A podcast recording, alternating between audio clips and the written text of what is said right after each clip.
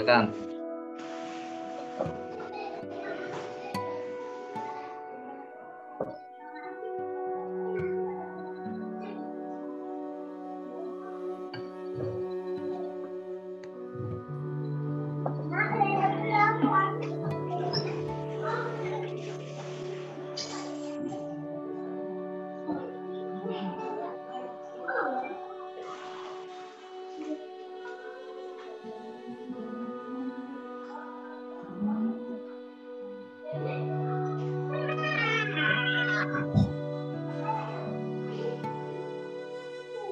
Dibuka aja, dimulai. Assalamualaikum warahmatullahi wabarakatuh. Salam warahmatullahi wabarakatuh. Alhamdulillahirrahmanirrahim wa bihi nasta'in wa ala umuri dunya waddin wassalatu wassalamu ala asrofil anbiya'i wal mursalin wa ala alihi washabi azmain amma ba'du. Baik, saya di sini sebagai moderator. Uh, Selamat datang kepada para peserta yang sudah hadir di Zoom meeting siang kali ini. Selanjutnya, mari kita buka acara ini dengan membacakan surat Al-Fatihah. Bismillahirrahmanirrahim. Alhamdulillahirrahmanirrahim. Ya, karena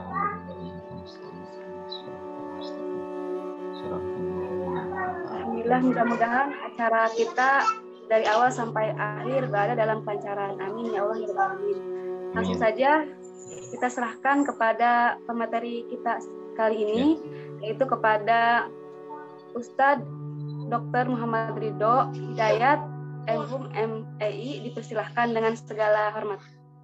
Baik, uh, Jazakillah khair. Terima kasih uh, Neng Roka yang sudah membuka acara. Nanti ini ditinggal aja ya, talk show aja. Tuh pada pada ngegangguin deh uh, kita langsung ngobrol-ngobrol aja nggak apa-apa. Bisa di off dulu ya. Baik uh, selamat datang untuk rekan-rekan para ayah bunda para peserta zoom meeting. Kalau ini sifatnya kita bentuk talk show aja kita ngobrol-ngobrol di hari tahun baru. Dan menjelang peringatan uh, hari ulang tahun kemerdekaan juga ya kemerdekaan Indonesia. Insya Allah nanti di hari kemerdekaan juga kita akan coba buat acara lagi, acara yang lebih uh, lebih serius lah. Ini kemarin ini aja apa uh, terpikir mau ikut merayakan tahun baru, merayakan tahun baru dengan apa sebagai refleksi karena kaget juga tiba-tiba dengar apa hari cuti bersama digeser harinya. Kemudian uh, jadi seperti sepi nih tahun barunya gitu. Jadi saya inisiatif untuk ngobrol-ngobrol dan bikin inilah kegiatan yang ini sebetulnya sudah pernah dilaksanakan tahun lalu ya. Jadi ini yang ketiga kalau di secara urutan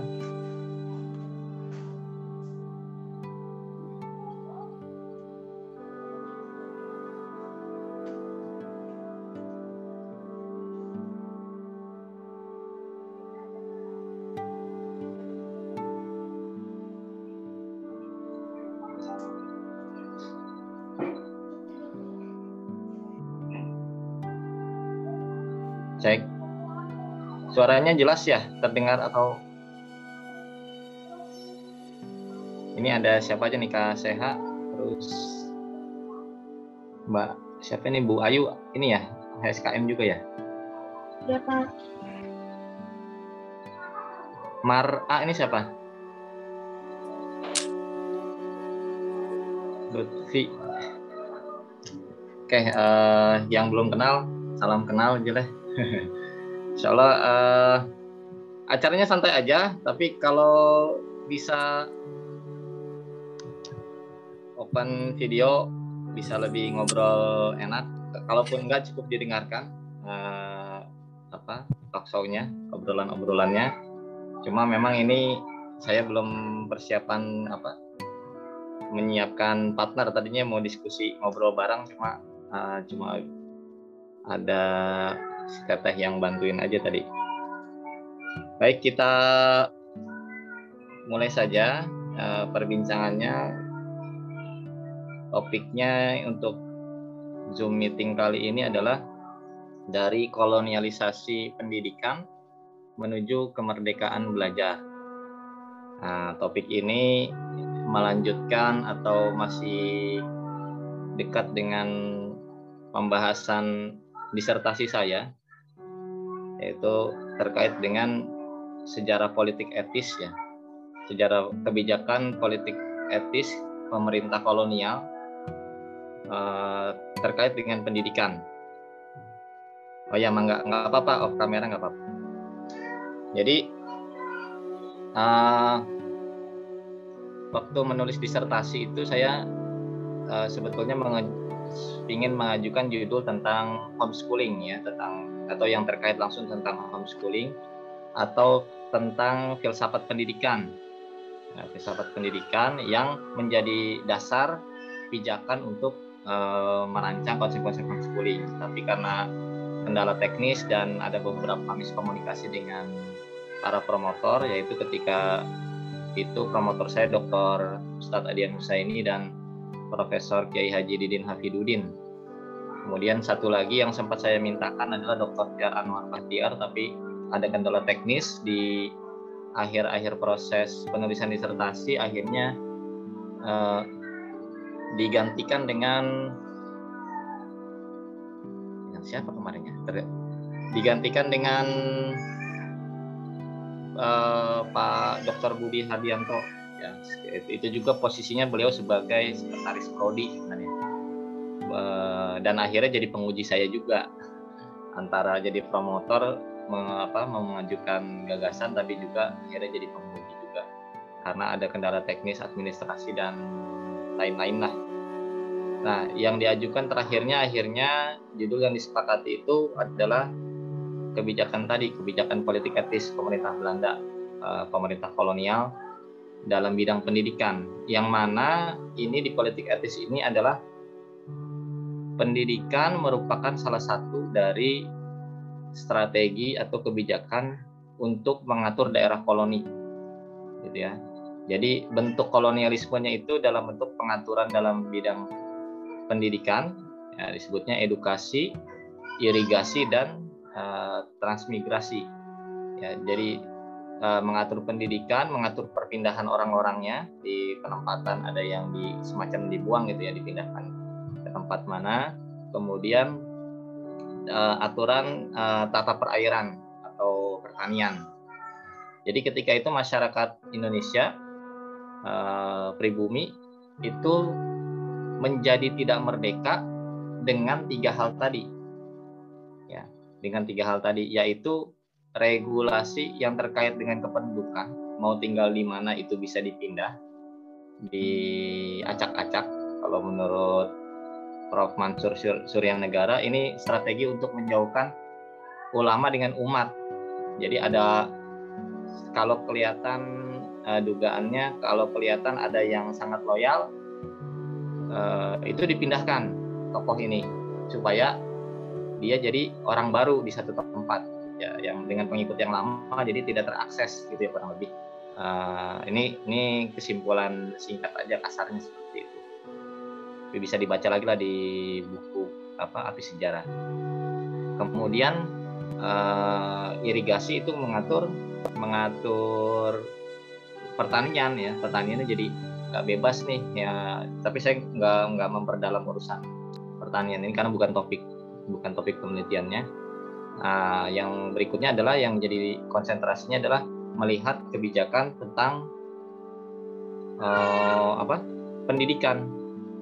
Ya, dimulai dengan dari sebelum politik etisnya. Nah, kita nggak nggak konsentrasi di politik etisnya tahun berapa sampai tahun berapa ya, cuma kalau membaca dari dari sejarah-sejarah ya di buku-buku sejarah banyak itu kita sebelumnya itu yang harus kita ingat kita itu sudah berlaku pendidikan Islam. Sistem pendidikan Islam itu di masyarakat Indonesia itu di pribumi itu sudah berlaku. Ya. Kemudian datang sistem pendidikan Belanda dalam bentuk kebijakan tadi itu mengacak-acak atau mengubah ya, sistem sosial yang bersatu dengan sistem pendidikan atau sistem pendidikan itu sudah sudah menjadi sistem sosial bentuknya. Dalam bentuk apa? Yang pertama itu lembaga pendidikan yang ada ketika itu awalnya adalah lembaga madrasah yang selalu terikat dengan kesultanan. Lembaga kesultan eh, lembaga pendidikan yang disebut madrasah itu selalu terikat dengan kesultanan ya, atau menjadi lembaga pem, uh, pendidikan resmi. Ya kemudian yang lainnya adalah sifatnya bebas dan terbuka. Ya, artinya ketika ada seorang ahli ilmu, ya, seorang ulama atau seorang ahli itu membuka kelas, ya, membuka majelis atau buka pengajian lah gitu ya.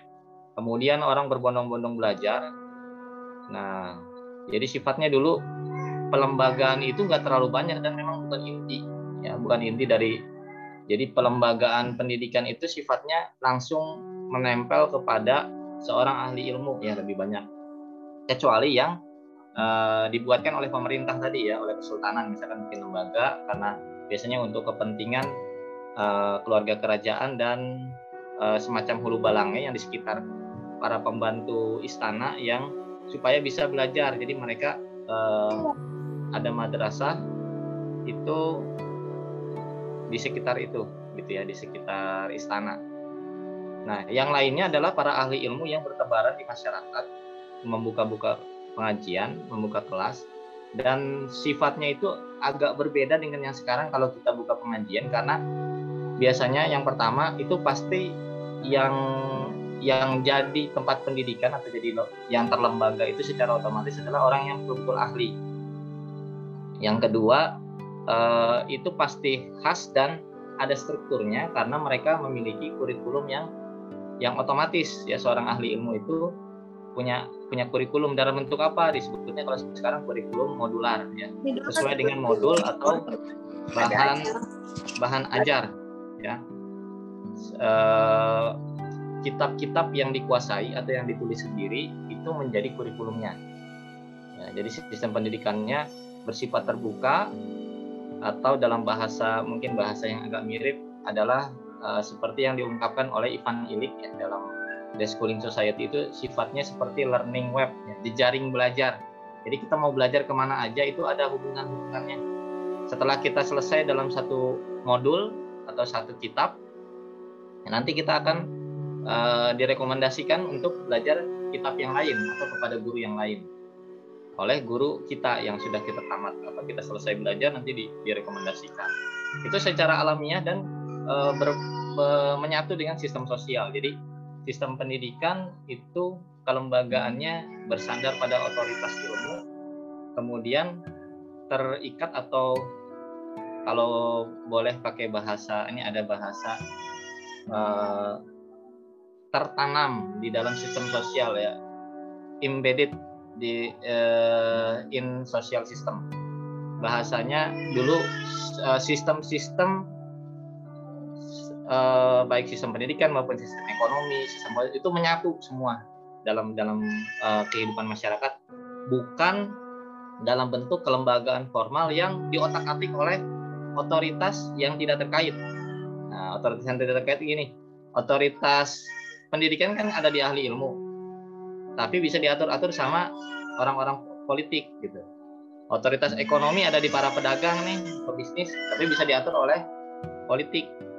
Jadi uh, bukan berarti nggak diatur ya, maksudnya bukan berarti nggak teratur teratur dan ada tempat penyelesaian sengketa ya pemerintahan itu fungsinya menyelesaikan sengketa, menjaga uh, menjaga supaya tertib, menjaga, tapi bukan meregulasi dalam pengertian mengacak-acak ikut ikut campur memberikan banyak kebijakan, aturan dan lain sebagainya. Nah, jadi eh, itu eh, yang terjadi ya. Sebelum sebelum datangnya kebijakan kolonialisme, maksudnya di dalam pendidikan, itu seperti itu. Ya, kita melahirkan para ulama, orang-orang cendikiawan yang luar biasa, orang-orang hebat. Itu belajar di masyarakat ya, melalui pola yang tadi disebut learning web dengan jejaring jejaring belajar sifatnya terbuka kelembagaannya bersandar kepada otoritas ilmu ya otoritasnya kepada ahli ilmu jadi langsung kita bisa menyebutkan eh, tempat belajar itu langsung menempel kepada atau ter uh, bersandarkan kepada uh, seorang guru atau nama ahli ilmunya. Makanya kalau kita menulis CV ya kurikulum vitae itu kurikulum itu adalah uh, jalan belajar atau pola kehidupan yang telah kita lalui. Dari bahasa asalnya kurikulum itu semacam arena pacuan kuda gitu ya, arena pacuan kuda atau lintasan. Ya, lintasan belajar kita dilihat di kurikulum kita kita itu berguru kepada siapa kepada siapa dan belajar apa. Makanya nanti uh, biodatanya kalau para ulama dulu uh, saya belajar bahasa Arab kepada Syekh Fulan, belajar fikih kepada Syekh Fulan, belajar sirah kepada Syekh Fulan, belajar ilmu hadis kepada Syekh Fulan. Nah, jadi di situ ada daftar gurunya. Nah, ini yang hilang dengan konsep kelembagaan yang terlalu formalistik yang lahir dari pemerintah kolonial yang memang pengen menghapuskan uh, sistem pendidikan Islam atau uh, dalam bahasa lainnya sistem pendidikan yang ada di masyarakat pribumi itu memang menjadi penghalang untuk proses kolonialisasi karena menjadi penghalang atau menjadi eh, gangguan makanya harus diganti harus disingkirkan. Nah, harus disingkirkan. Maka jangan sampai ada lagi nih orang yang eh, gimana mau apa mau dijajah mau ditarik pajak kalau didatangin ternyata bisa ngelawan gitu ya di di bawah bimbingan dan pembelaan arahan para ulama. Ternyata mereka melawan gitu. Uh, akhirnya dengan adanya pemindahan tempat para tokoh-tokoh, kemudian uh, yang pertama kali sekali adalah penutupan madrasah-madrasah yang ada di Kesultanan.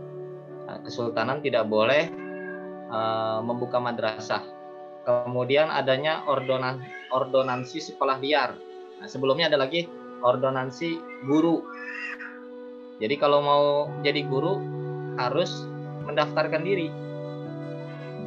Nah, ini kalau sekarang kita sudah menerima karena sekarang ini kita sudah pola pikirnya pola pikir ya terjajah ya yang kalau kita nanya, emang kamu guru emang udah dapat sertifikasi? Memang kamu jadi bukan ditanya ilmunya atau kita tahu bahwa dia berilmu, tapi dari sisi kepegawaian yang dilihat, kamu terdaftar atau enggak? mau buat lembaga pendidikan kita mau buka pengajian udah dapat izin belum ditanya gitu nah ini eh, pola pikir semacam ini itu dilahirkan atau pertama kali dicetuskan oleh pemerintah kolonial jadi kalau ada orang buka pengajian atau buka madrasah ketika itu itu didatangi didatangi oleh petugas eh, kolonial petugas kolonial itu akan ngecek ini lembaganya lembaga apa siapa pimpinannya dimintakan daftar pengajar dan daftar murid-muridnya. Nah, pertama-tama begitu, kemudian lama-lama dibikin ordonansi sekolah liar. Jadi kalau yang tidak terdaftar dalam dalam catatan pemerintah kolonial disebutnya lembaganya disebut sekolah liar. Nah, jadi ada sekolah kolonial, ada sekolah liar gitu caranya. Terus sekarang sisa-sisanya itu ada sekolah terakreditasi dan sekolah tidak terakreditasi. Nah, kita berebut untuk kalau zaman dulu mau aman, mau boleh tetap operasi tanpa diganggu, jadilah sekolah kolonial, jangan jadi sekolah liar. Sekarang kita masih dengan pola pikir yang sama. Uh, ayo uh, mengakreditasikan diri yuk ke pemerintah gitu ya. Ayo uh, kita mendaftarkan diri supaya diakui. Seolah-olah pendidikan itu harus diakui oleh otoritas politik. Seolah-olah kita mengajar itu harus harus punya izin ya menyebarkan ilmu itu harus punya izin ya sampai ada orang nanya boleh nggak sih kita ngajarin anak kita sendiri anak-anak kita sendiri atau uh, ilmu ilmu kita yang punya terus uh, ketika kita punya ilmu juga boleh nggak kita ngajarinya dengan ilmu yang ada dalam pikiran kita atau yang sudah kita kuasai oh nggak boleh kurikulumnya harus ngin buku panduannya harus yang ini oh kalau kelas SD uh, eh, tingkatan SD kelas 3, kelas 4 itu bukunya nggak boleh yang ini. Ya, bukunya yang kayak gimana ini loh yang ada panduannya gini gini. Nah, yang buat siapa? Entah siapa yang buat. Yang buat adalah eh, orang-orang uh, yang uh, mengambil proyek dari proyek-proyek penulisan kurikulum da, uh, oleh pemerintah. Kurang lebih seperti itu ya. Mungkin agak kasar sih kalau pendengarannya karena kita memang terbiasa dengan uh, pola-pola kolonialisme. Jadi kalau dengan bahasa yang agak vulgar dan kita flashback ke masa silam itu jadinya kayak aneh gitu kayak kayaknya kita mau ngapain nih cuma sebetulnya kalau balik lagi ke kita tadi ya pertanyaan-pertanyaan dasar memangnya kenapa kalau kita mengajar? Ya saya pernah tuh berapa kali ikutin proses pendirian ya. Pernah uh, proses pendirian sekolah tinggi. Pernah juga ada yang konsultasi ketika mau mendirikan SMP atau SMA gitu. Terus yang disibukkan adalah bagaimana proses izinnya. Saya bilang ini tujuannya mau mengajari masyarakat memberi manfaat atau mau kejar apa bantuan sekolah apa kejar dana dari pemerintah karena kalau misalkan kita fokus mau belajar ya kita fokus nyari nyari guru yang uh, nyari guru yang berkualitas kemudian kita buka kelas kita langsung buka majlis kita buka pengajian supaya masyarakat uh, dapat pencerahan. Nah tapi ini nggak nggak peduli gurunya udah ada atau belum atau nanti siapa pun yang ngajar gampang lah gitu kan. Yang penting sekarang dokumen-dokumen borang itu ya, dokumen-dokumen yang uh, yang harus disetorkan pemerintah itu masuk dulu. Sampai kalau proses akreditasi itu uh, teman-teman yang capek ngurus borang itu katanya dah borang mah bohong dan ngarang aja gitu. Bohong dan ngarang. Yang penting masuk disetujui ngikutin formatnya nanti mah terserah deh. Jadi antara kalau antara idealisme pengen tetap ngajar dengan gaya sendiri tapi tetap harus pengen diakui oleh pemerintah maka nanti antara yang di reali, apa realita pengajaran yang sebenarnya dengan isi borangnya itu jadi berbeda. Nah, makanya itu bohong dan ngarang. Ada lagi yang yang penting mah borangnya bagus ngajarnya mah terserah deh. Mau bagus nggak bagus yang penting udah terlaksana dan bisa membuka lapangan pekerja untuk para guru dan para dosen. Jadi jadi pikirannya adalah bagaimana eh, ekonomi sebetulnya nih membahas ekonomi bukan membahas pendidikan kalau membahas pendidikan membahasnya masalah ilmu, masalah riset, gitu ya, pengembangan uh, pengetahuan dan kemajuan cara berpikir. Nah itu uh, yang disebut dengan kolonialisme dalam pendidikan. Kita itu jadi menganut paham kolonialisme hasil dari kolonialisasi atau pada zaman dulu pihak pemerintah kolonial itu telah mendikte kita ya menanamkan ke alam bawah sadar masyarakat bahwa untuk mengajarkan atau memberi pencerahan pada masyarakat itu harus izin kepada pemerintah. Dan apa yang harus diajarkan kepada masyarakat itu harus sesuai kemauan pemerintah dalam konsep kurikulum nasional. Nah, tapi ini ini sekarang disebutnya merdeka nih merdeka belajar ya. E, katanya merdeka itu ternyata bukan bukan kembali dalam kebebasan masyarakat lagi tapi merdeka itu uh, habis belajar itu bisa dapat kerja. Habis belajar itu bisa dapat kerja terus belajarnya itu bebas. Yang penting terdaftar. Nah, setelah kita kehilangan identitas setelah kita kehilangan sistem pendidikan yang sejati terus kita di, diajak untuk memerdekakan diri tapi bukan kembali kepada Eh, sistem yang lama, bukan kembali kepada konsep pendidikan yang lama yang sebelumnya sudah ada. Tapi diajak kepada kepada konsep pendidikan yang lebih parah yaitu konsep pendidikan berbasis industrialisasi. Atau istilahnya kalau dalam sejarah pendidikan ada uh, factory uh, factory model of education ya.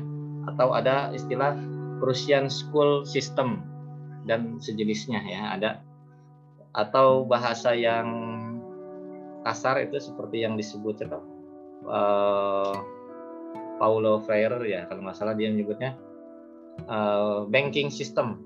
Uh, se se uh, sekolah berbasis bank atau berpola bank atau sekolah pabrikan gitulah kurang lebih saya agak lupa. Uh, pemikirannya Paulo Freire.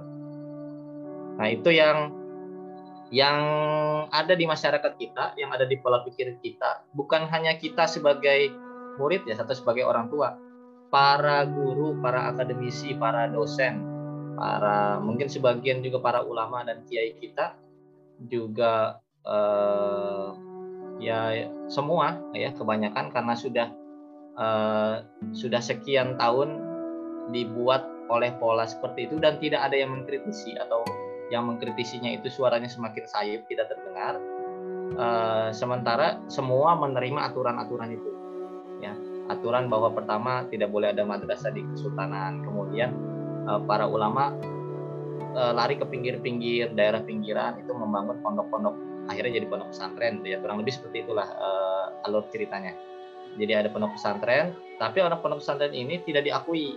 Kalau mau diakui harus ke sekolah sekolahnya adalah yang dapat izin dari pemerintah kolonial sehingga sekolahnya sekolah kolonial ya ada sekolah uh, sekolah desa sekolah kota sekolah Eropa sekolah macam-macam ketika itu ya nah yang yang lembaga pendidikan yang ada di tengah-tengah kota di tengah masyarakat itu lama-lama distempel dengan kebijakan disebut sebagai sekolah liar atau sekolah tidak terakreditasi tidak diakui ijazahnya.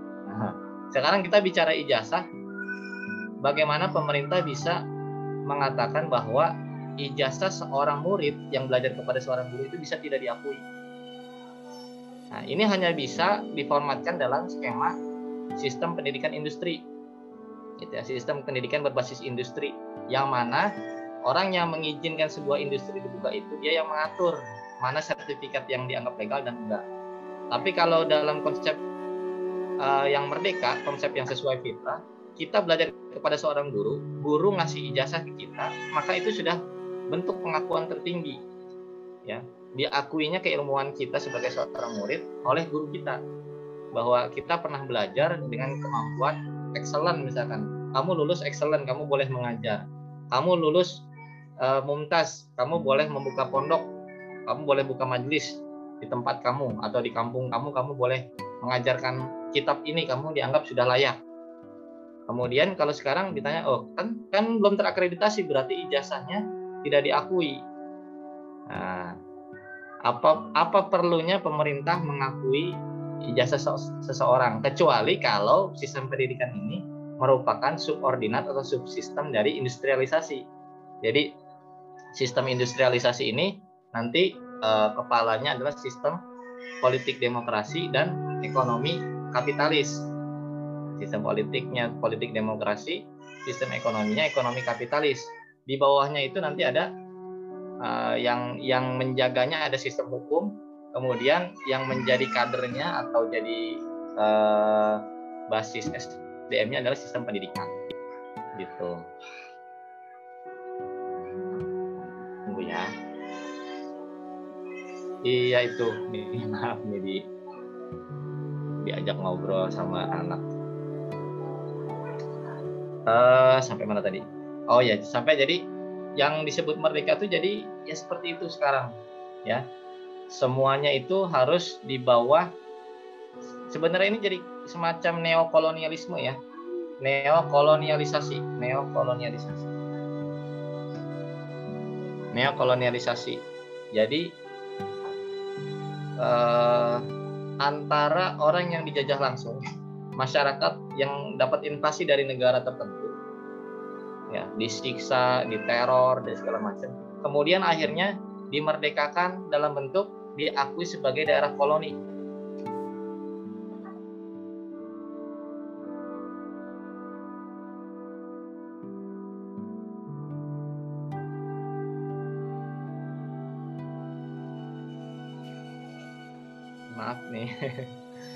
ada yang ngajak ngobrol.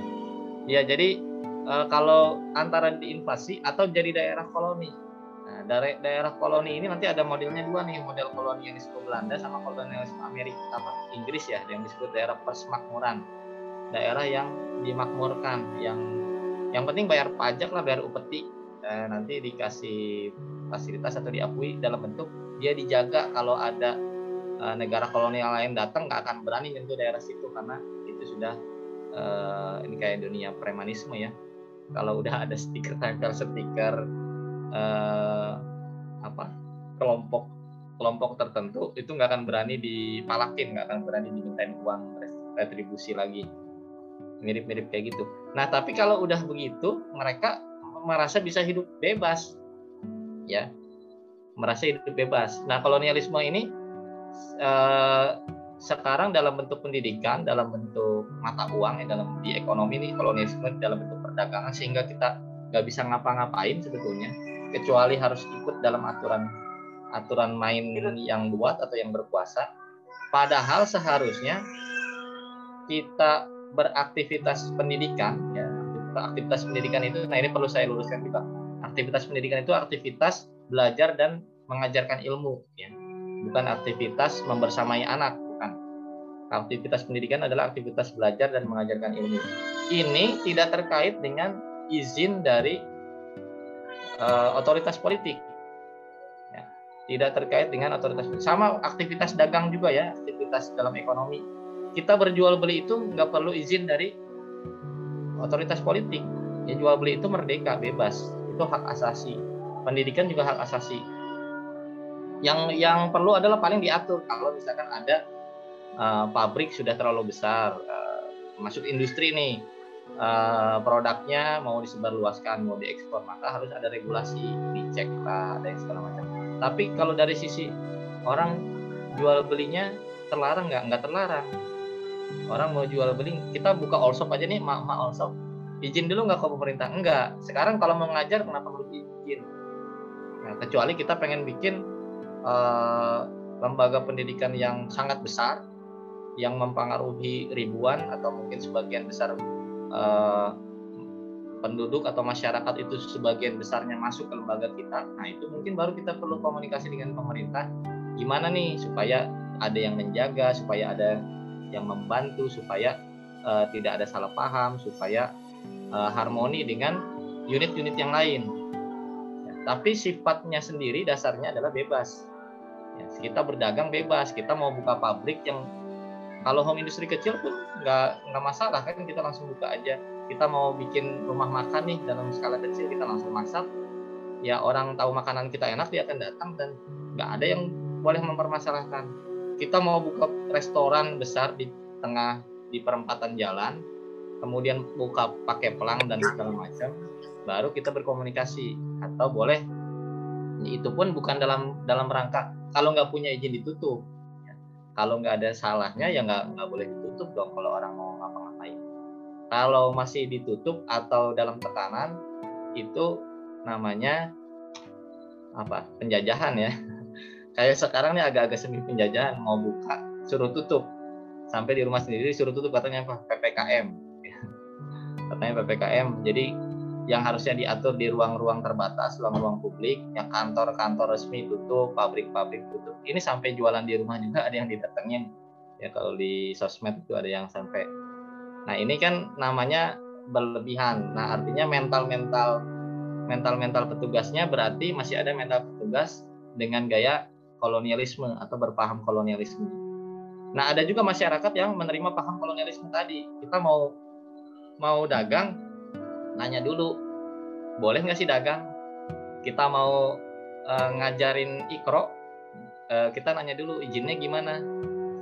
Kita mau macam-macam lah kita pikirannya kita ini harus izin dari otoritas politik. Ya, dalam hal ini uh, bahasa sejarahnya kepada pihak pemerintah kolonial. Kalau kita nggak dikasih izin kita dianggap sekolah liar gitu ya, atau tidak dapat pengakuan dari otoritas uh, politik. Nah itu uh, bagaimana kita membahasakan bahwa saat ini sebetulnya kita dalam kondisi terjajah. Kalau kita mau merdeka, kita harus tahu apa itu syarat-syarat kemerdekaan. Dalam pendidikan, kita harus mengembalikan pertama konsep-konsep pendidikan kepada konsep asalnya konsep pendidikan itu konsep asalnya adalah konsep terkait dengan proses menuntut ilmu. Ya. dan ini otoritasnya adalah otoritas para ahli ilmu sehingga tidak ada sangkut pautnya dengan politik dan ekonomi. Kalau kita sudah bisa membebaskan diri dari intervensi politik dan ekonomi eh, pendidikan itu akan menjadi murni. Artinya apa? Proses belajarnya tidak terkait. Nah kalau sekarang nih bikin lembaga saya banyak menemukan kasus lembaga pendidikan, lembaganya dibilang bagus karena bayarannya mahal. Tapi pada kenyataannya akhirnya si guru tidak berani menegur anak atau mengeluarkan anak dari kelas. kenapa nggak berani karena ini saya pernah ketemu fakta langsung ya kasus teman saya jadi guru di sekolah internasional dia memarahi seorang anak menegur sampai ada yang uh, akhirnya anak murid itu tidak terima si, si murid itu tidak terima lapor ke orang tuanya gurunya yang dipindahkan kelas. Karena pembayarannya mahal di situ bayarnya uh, sebulan 4 juta kalau nggak sebulan 4 juta satu anak sementara gaji gurunya uh, ya sekitar 3 juta 4 juta sebulan. Tapi kalau satu kelas ada 20 anak berarti surplusnya itu 19 anak itu uh, uangnya nggak lari ke guru. Nah ini contoh contoh bahwa ya seorang dosen juga ya pengen nggak ngelulusin mahasiswa kemudian nanti ditegur oleh bagian akademik. Ini kalau semuanya nilainya E, akreditasi kita nanti turun nih terkait dengan politik. Ya. Nanti mahasiswanya kita jadi sedikit. Kalau banyak kalau di sini susah lulusnya mahasiswanya jadi sedikit nanti kita nggak dapat pemasukan nanti bapak nggak dapat gaji bagaimana nah seperti itu juga guru saya juga pernah mengalami langsung beberapa kejadian uh, saya waktu zaman sekolah juga pernah disidangkan oleh guru-guru. Itu guru-guru saya uh, dalam hati saya sebenarnya saya teriak dengan bangga saya menang gitu ya. Karena guru-guru itu sampai merengek dan tanda kutip ya dengan kapasitasnya sebagai forum guru ketika itu. Uh, bahasa saya merengek karena saya sebenarnya saya cuek aja terserah mau dilulusin mau enggak. Tapi dia bilang kamu kamu tuh nilai kamu di bawah rata-rata tapi kamu harus lulus gimana? E, kalau dalam bahasa lobby politik kan ini gimana nih mau ngasih apa nih? Mau dilulusin bayar berapa? Tapi saya ketika itu karena sekolah saya sekolah negeri dan nggak ada nggak ada tuh sogok menyogok supaya naik kelas. Dan muridnya harus naik kelas. Ketika itu posisi saya ini saya ini ketahuan saya ini bodoh ya. Saya ketika itu sebetulnya harusnya tinggal kelas tapi guru-guru bilang gimana nih kamu? Ini nilai kamu nggak cukup untuk naik kelas. Nah, saya ditanya begitu di forum guru. Nah, gimana nih kamu nilai nilainya kecil? Akhirnya saya cuma jawab e, terserah kebijaksanaan e, bu guru aja. Mau bagaimana baiknya saya ikut apa kata bu guru akhirnya gurunya dengan nada nego sambil kalau bahasa guru kan bahasa nasehatin ya kalau bahasa politisi mungkin gini ya udah gua naikin lo bisa ngasih apa? Tapi enggak. Kalau guru-guru saya alhamdulillah enggak. Ada yang bilang kamu bisa nggak kamu berbuat baik atau memberi kompensasi untuk kemajuan pendidikan? Nah, ada yang begitu. Ada satu guru yang menuliskan saya nggak lulus lulus tuh uh, untuk pelajaran itu. Akhirnya ya udah pak saya akan belikan alat-alat untuk lab supaya bisa praktek uh, alat praktek di sini lebih lengkap. Waktu itu ada beberapa orang yang kasusnya dengan seperti saya akhirnya patungan kita beli alat-alat lab. Supaya sekolah alat labnya lebih lengkap. Itu satu contoh dengan bahasanya. Uh, sebenarnya nggak merdeka. Guru itu nggak bisa tidak menaikkan atau membuat anak itu tinggal kelas tuh nggak bisa. Ada lagi satu lagi cuma bilang gini kamu kasihanlah ke ibu. Kalau ibu nyoret kamu, ibu pasti dipermasalahkan oleh kepala sekolah. Saya sering tuh ditegur sama teman-teman, dok, lu kok nggak takut sih dok? Lu kok jarang apa kalau nilai jelek cuek-cuek aja. Saya cuma bilang gini, yang takut saya nggak lulus itu bukan saya, tapi mereka para guru. Kenapa? Kalau kalau ada anak siswa negeri yang tidak naik apa yang tinggal kelas, itu sekolahnya akan jadi blacklist, akan masuk berita berita kota tuh ya saya bilang kalau kalau ada siswa sekolah kita yang tinggal kelas kalau saya tinggal kelas itu kepala sekolah besok akan dipanggil sama dinas. Dan sekolah ini akan masuk ke radar Bogor. Dulu saya dengan gaya apa ya itu? Gaya, gaya aktivis ya ngomongnya ke teman-teman. Jadi tenang aja saya pasti naik kelas. Dan memang itu akhirnya di lobby masuk ke forum guru uh, bilang bahwa uh, kamu gimana ini kalau ibu luluskan saya bilang saya siap terima tugas apa saja dari ibu. Asal saya mampu saya akan kerjakan. Akhirnya saya diberikan tugas mengerjakan ulang LKS setahun. Mengerjakan ulang LKS itu sebagai, sebagai bentuk negosiasi. Nah makanya saya udah tahu tuh cikal bakal apa pola-pola uh, atau paradigma berpikir keumuman yang ada di uh, lembaga pendidikan ya. Karena nggak cuma satu kasus dan nggak cuma di satu lembaga ada di banyak lembaga itu. Dan semakin saya uh, lanjutkan pendidikan saya masuk S1, S2, S3 saya makin tahu apalagi setelah saya jadi dosen saya makin tahu isinya seperti apa. Nah semenjak itu juga saya sudah udah proklamasi kan bahwa saya kalau punya anak nggak akan masuk dalam sistem persekolahan. Ya kalau nggak salah kelas 2 SMP saya sudah mulai terucap tuh saya nggak mau nyekolahin anak.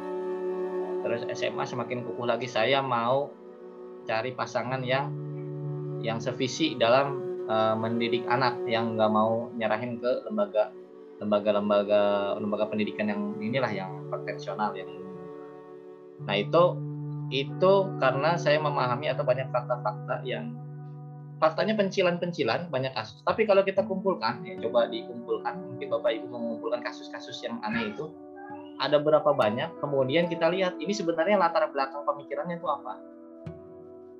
Ada paradigma apa ada ideologi apa di balik kejadian-kejadian yang menimpa uh, dunia pendidikan kita? Ternyata kalau saya menyimpulkan tadi ya setelah setelah menulis disertasi oh ini bahasa yang tepat adalah sebenarnya kolonialisme ya dalam bidang pendidikan. Ya, kita ini uh, sebagai orang yang terjajah dulunya itu masih mewariskan penjajahnya sudah pergi kita masih merasa terjajah atau ada ada komprador-komprador orang-orang yang melanjutkan yang nggak pengen sistem sistem kolonialisasi yang dulu dibikin itu nggak pengen diubah. Nah, karena status quo yang nanti terganggu. Nanti kalau ada perubahan nanti gimana? Nanti jadi nggak diakui dong. Nanti pemerintah jadi nggak dihormatin dong kalau nggak pada mendaftarkan diri. Nanti semua orang buat semena-mena dong seenaknya. Nah berarti ini pola pikir ini latar belakangnya adalah politik yang berasumsi bahwa masyarakat itu adalah penjahat. Masyarakat itu uh, punya uh, hasrat serigala. Berarti politik Machiavelli. Orang-orang itu pasti pasti pengen berbuat jahat kepada sesamanya, sehingga harus dipantau, diatur dan di uh, diregulasi harus mendapatkan izin dari siapa dari penjahat juga kan karena dianggapnya masing-masing orang itu punya potensi jahat jadi nggak pengen masyarakat e, berbuat jahat kepada sesamanya. Padahal dia adalah bagian dari masyarakat yang menjadi wakil wakil rakyat di pemerintahan. Artinya sesama penjahat dong ya. Nah, jadi kalau misalkan dibilang e, kok kamu kok nggak izin mau e, mendidik masyarakat memberi pencerahan? Nah ini berarti lahir dari pemikiran yang diajarkan itu dituduh bahwa ajarannya itu ajaran sesat atau dia ingin meracuni pemikiran masyarakat itu eh, merusak masyarakat atau nggak pengen masyarakat pintar. Karena perlu diawasi dulu nanti yang diajarkan jangan-jangan malah untuk memberontak. Nah, kan tuduhannya gitu ya oh nggak pancasila nih nggak NKRI ini nah, padahal sekedar ngajarin agama misalkan. Nah kalau dulu kolonial itu pemerintah kolonial itu dari zaman VOC dan sampai setelahnya kerajaan Belanda itu memang mengajarkan agama itu berarti mengajarkan memberontak karena bertentangan dengan penjajahan gitu menolak penjajahan di atas dunia. Dan memerdekakan manusia supaya tidak tidak saling menghamba kepada yang lain. Nah, itu berarti akan melawan kepada pemerintah akan subversif. Maka pendidikan agama menjadi subversif.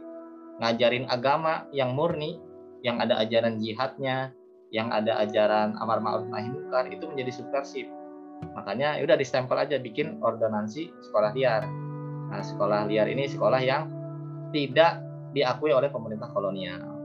Nah, sekarang kita kalau kita masih menerima itu dalam pola pikir kita, nah, boleh jadi kita termasuk korban-korban yang mentalitasnya seperti yang pernah diceritakan oleh uh, saya pernah baca ceritanya Ustadz Hamid Famizar Kasih ya di orang-orang Asia yang mantan daerah pendudukan itu kebanyakan ketika duduk tidak pernah berani di depan.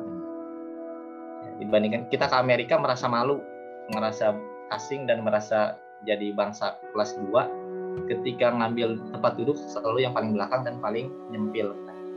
Dia bilang itulah mental orang-orang yang sudah pernah terjajah dan masih menerima bahwa kita tuh nggak boleh tampil kita itu nggak setara. Nah, kalau bule itu pasti lebih terhormat, kemungkinan lebih kaya, kemungkinan lebih pintar, kemungkinan lebih hebat. Nah, orang kita mah orang biasa, orang rendahan, kita mah bangsa miskin, kita mah nggak punya apa-apa, kita mah apa atuh gitu. Nah ini yang yang yang terdoktrin secara tidak langsung di alam bawah sadar kita dan kita menerima itu. Kita menerima itu sehingga kita tidak mempermasalahkan, ya, tidak mempermasalahkan. Nah itu mungkin pengantarnya itu kali ya. Uh, boleh silakan kalau misalkan ada yang ini Neng Roka lagi standby nggak nih? Buat moderatorin atau langsung aja? Standby tadi oke. Boleh sambil mungkin kalau ada yang nanya ya kita persilakan. Ya. oke teman-teman jika ada yang mau bertanya silahkan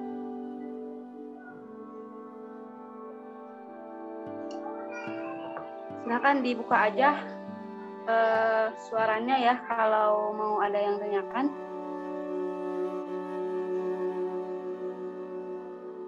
Mungkin ini ada ada Mbak Mbak Ika Dewi, dan Kaseli nih biasanya. Mbak Ika, sama Kaseli, Teh Erna, mungkin ada yang mau ditanyakan?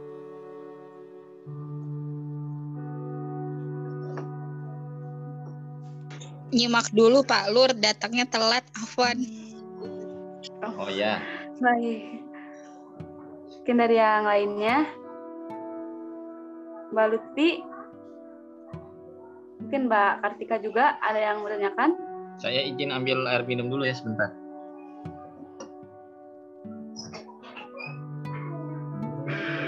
Kan ya.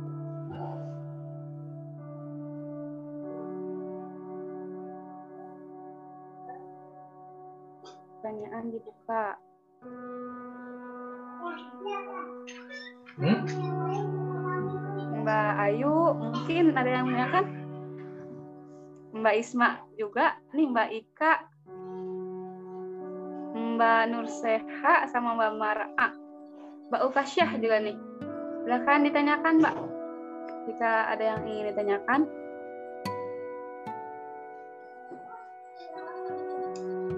Mungkin mau nambahin kali atau mau komentar? mau nambahin komentar dipersilakan boleh.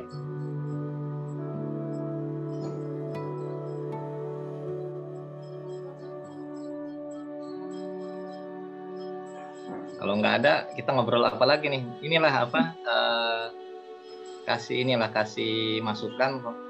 Soalnya karena ini nggak nggak ada persiapan materi yang matang, jadi uh, urutan-urutannya juga ya sebatas cerita aja lah. Saya pengen pengen tapi kalau cerita diterusin sih bisa sampai malam ya. Kalau sekitar sekedar cerita tentang dunia pendidikan itu bisa aja.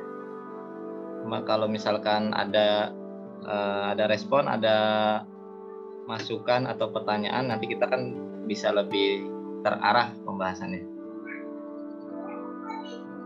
Mangga nggak sambil saya sambil minum-minum ya sambil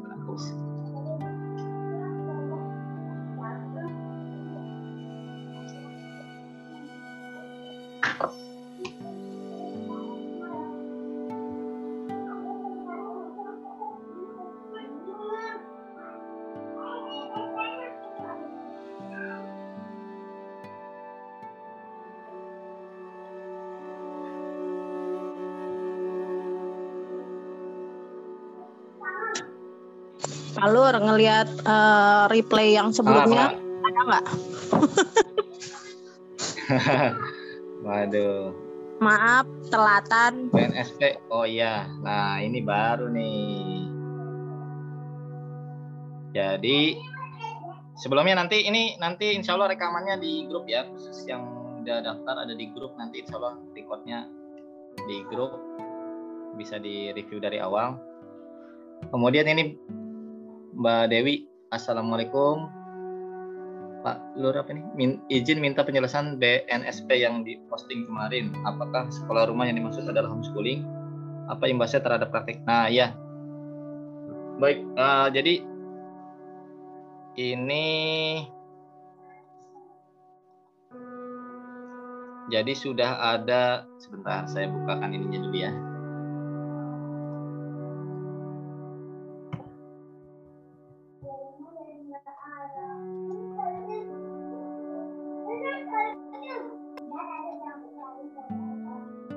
Saya coba sharingkan ini tentang Badan Standar Nasional Pendidikan yang saat ini memang sedang sedang membahas tentang sekolah rumah dalam garis miring homeschooling ya.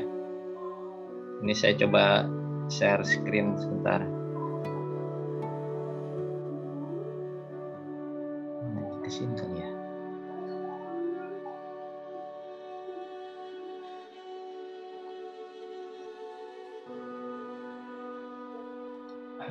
terbuka.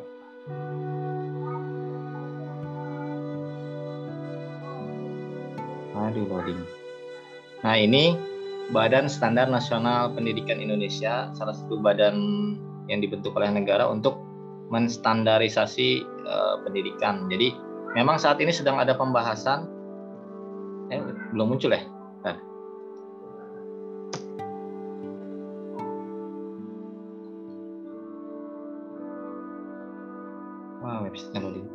Jadi memang sedang ada pembahasan dari bulan Maret kalau salah. Dan sudah pertemuan masuk pertemuan ketiga. Jadinya saya ini kemarin sempat diajak untuk ikut di pembahasan. Jadi di pembahasannya udah mau akhir. Cuma eh, katanya masih menerima masukan dari berbagai kalangan ya. Kebetulan yang ikut itu dari ada dari kalau nggak salah dari Asah Pena dari Perhimpunan Homeschooling Indonesia. Itu sudah sempat terlibat di pembahasan kedua. Kalau nggak salah dari yang pertama nggak tahu pada dilibatkan atau enggak kemudian di pembahasan kedua itu mereka sudah ada yang diajak. Ada dari PKBM ada dari tadi Asah Pena Asosiasi Sekolah Rumah ada dari Perhimpunan Homeschooling Indonesia kemudian sisanya dari apa yang lain dari perguruan tinggi ya para pakar pendidikan dari universitas-universitas. Uh, memang membahas regulasi. Jadi karena regulasi yang sebelumnya itu kan ber, yang di homeschooling itu terkait apa, peraturan menteri. Sementara harusnya ada undang-undang dulu. Dari undang-undang itu ke peraturan pemerintah baru misalkan ada kepres atau permen urutannya secara hukum gitu katanya. Jadi sekarang ini terlalu lompat dan terlalu dianaktirikan makanya uh, seharusnya yang homeschooling itu katanya karena itu satu jalur sendiri ya, jalur informal ya katanya. Kalau di, di undang-undang kan ada tiga. Yang formal sudah diakui sudah ada jalurnya sudah diterima skemanya sudah ada ya ada standarnya juga. Non formal juga sudah kemarin. Nah akhirnya yang tersisih informal ini mau digimanain selama ini yang informal dipaksa masuk ke non formal bahasa mereka gitu. Kurang lebih ya. Jadi saya juga akhirnya kemarin nyimak ada uh, di akhir tahun 2020 itu ada konferensi homeschooling. Ya konferensi homeschooling yang digelar oleh Asapena. Itu tiga hari. Saya baru nyimak hari pertama aja selesainya. Karena itu satu harinya 4 jam sampai 5 jam. Nah itu ada di YouTube ya ada di YouTube. Nanti di grup saya sharingkan uh, ada beberapa paradigma. Nah, saya mengiranya uh, Asafena kan salah satu unsur yang diundang di di istilahnya apa ya sama BSN BSNP ya. Uh, mereka jadi salah satu pihak yang diundang yang dan mereka memberikan masukan. Silakan Kak Seha mau itu apa rice hand? Rice hand itu apa dadah iya mau mau bertanya Pak Lur nanti kalau udah kelar aja. Oh ya jadi saya lanjutkan sedikit ya. Ini uh, eh, BSNP ini memang lagi membahas dan uh, sebelumnya sudah berlangsung konferensi oleh Asapena. Asapena adalah salah satu pihak yang diundang oleh BSNP saya share screen dulu nih buat nunjukin sudah ada berita apa saja. Nah, ini terkait juga apa? pendidikan hibrid. Ya, katanya setelah Covid ini kan dibingung nih antara BDR belajar dari rumah sama homeschooling jadi bedanya apa? Jadi bingung lagi. Terus pendidikan informal kok harus dipaksa jadi ke non formal karena harus didaftarkan kepada PKBM. Ya, tapi pendidikan harus tetap punya standar gitu ya. Nanti dibuka aja nih BSNP. Ini perkembangan uh, semacam notulennya ya berita dari hasilnya. pembelajaran hibrid perlu dipersiapkan, kemudian sekolah rumah juga bisa jadi sandaran hidup ya, karena memang terkait dengan dunia kerja ya kalau mereka mikirnya pendidikan itu masih bagian dari industri. Kemudian di sini proses penyusunan naskah akademik. Saya juga kurang paham nih dari hukum naskah akademik ini kayaknya yang akan diserahkan kepada anggota dewan kan masalahnya. Jadi ada badan resmi yang di, di, diperintahkan untuk membuat naskah akademik, kemudian naskah akademik akan diserahkan kepada komisi pendidikan ya kalau nggak salah komisi satu di DPR RI nanti di situ akan disidangkan dipanggil eh, para ahli untuk membahas itu di depan eh, para wakil rakyat. Wakil rakyat yang nggak tahu ngerti pendidikan atau enggak latar belakangnya apa juga nggak ngerti karena eh, wakil rakyatnya bukan dilihat dari bidang keahlian tapi dari uh, popularitas ya dipilihnya kenapa mereka duduk itu karena bukan bukan karena ahli gitu ya. Kemudian ini pembahasan memulai pembahasan kedua standar sekolah rumah. Nah, jadi memang lagi katanya sih kemungkinan sampai Agustus September ini harus harus diselesaikan lah katanya Eh, draftnya atau naskah akademiknya. Nanti naskah akademik ini lari ke DPR setelah jadi undang-undang baru kita protes. Kalau nggak sesuai kalau sesuai ya kalau mendukung ya kita terima. Kalau nggak terima ya kita protes. Gitu aja kan. Kalau saya mikirnya nggak terlalu ribet sebenarnya.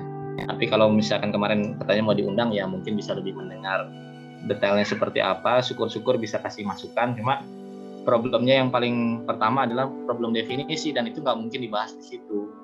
Kalau saya kayak saya pembagian saya nggak setuju ada disebut pendidikan informal sebagai bagian dari apa tiga tiga jalur pendidikan. Kalau saya tidak mengakui ada formal non formal dan informal. Kemudian pendidikan dikaitkan dengan pekerjaan itu juga saya nggak setuju. Jadi kalau yang dipikirkan gimana lulusan itu kenapa pada menganggur itu nggak ada urusan kalau saya ya dalam konsep pendidikan itu kenapa lulusan itu orangnya nggak pada cerdas? Harusnya gitu. Kenapa oh banyak orang nggak bijaksana? Kenapa nggak pada bertakwa? Kenapa jadi masih banyak yang korupsi? Bukan kenapa nggak pada kerja? Nah itu eh, suruh kerja aja kalau kenapa nggak pada kerja. Jadi itu yang uh, kurang lebih itu ya pembahasan BSNP dan homeschooling yang kemarin. Jadi masih terus berlangsung. Nanti akan ada pembahasan ketiga dan katanya mau ngundang beberapa pihak lagi selain yang sudah ada. Ini kemarin yang sudah eh sebentar. Atau dibuka aja lah nanti websitenya ya. Bisa dibuka. Ada beberapa pihak yang sudah diundang di situ. Mana nih?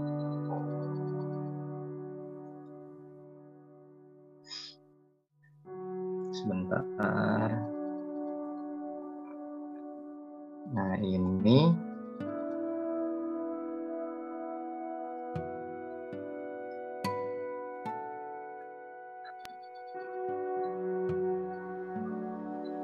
oh bukan di sini. Ada di mana kemarin?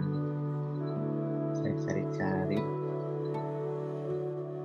Pendidikan informal masih terdiskriminasi karena memang susah mendefinisikannya kalau dengan cara yang seperti sekarang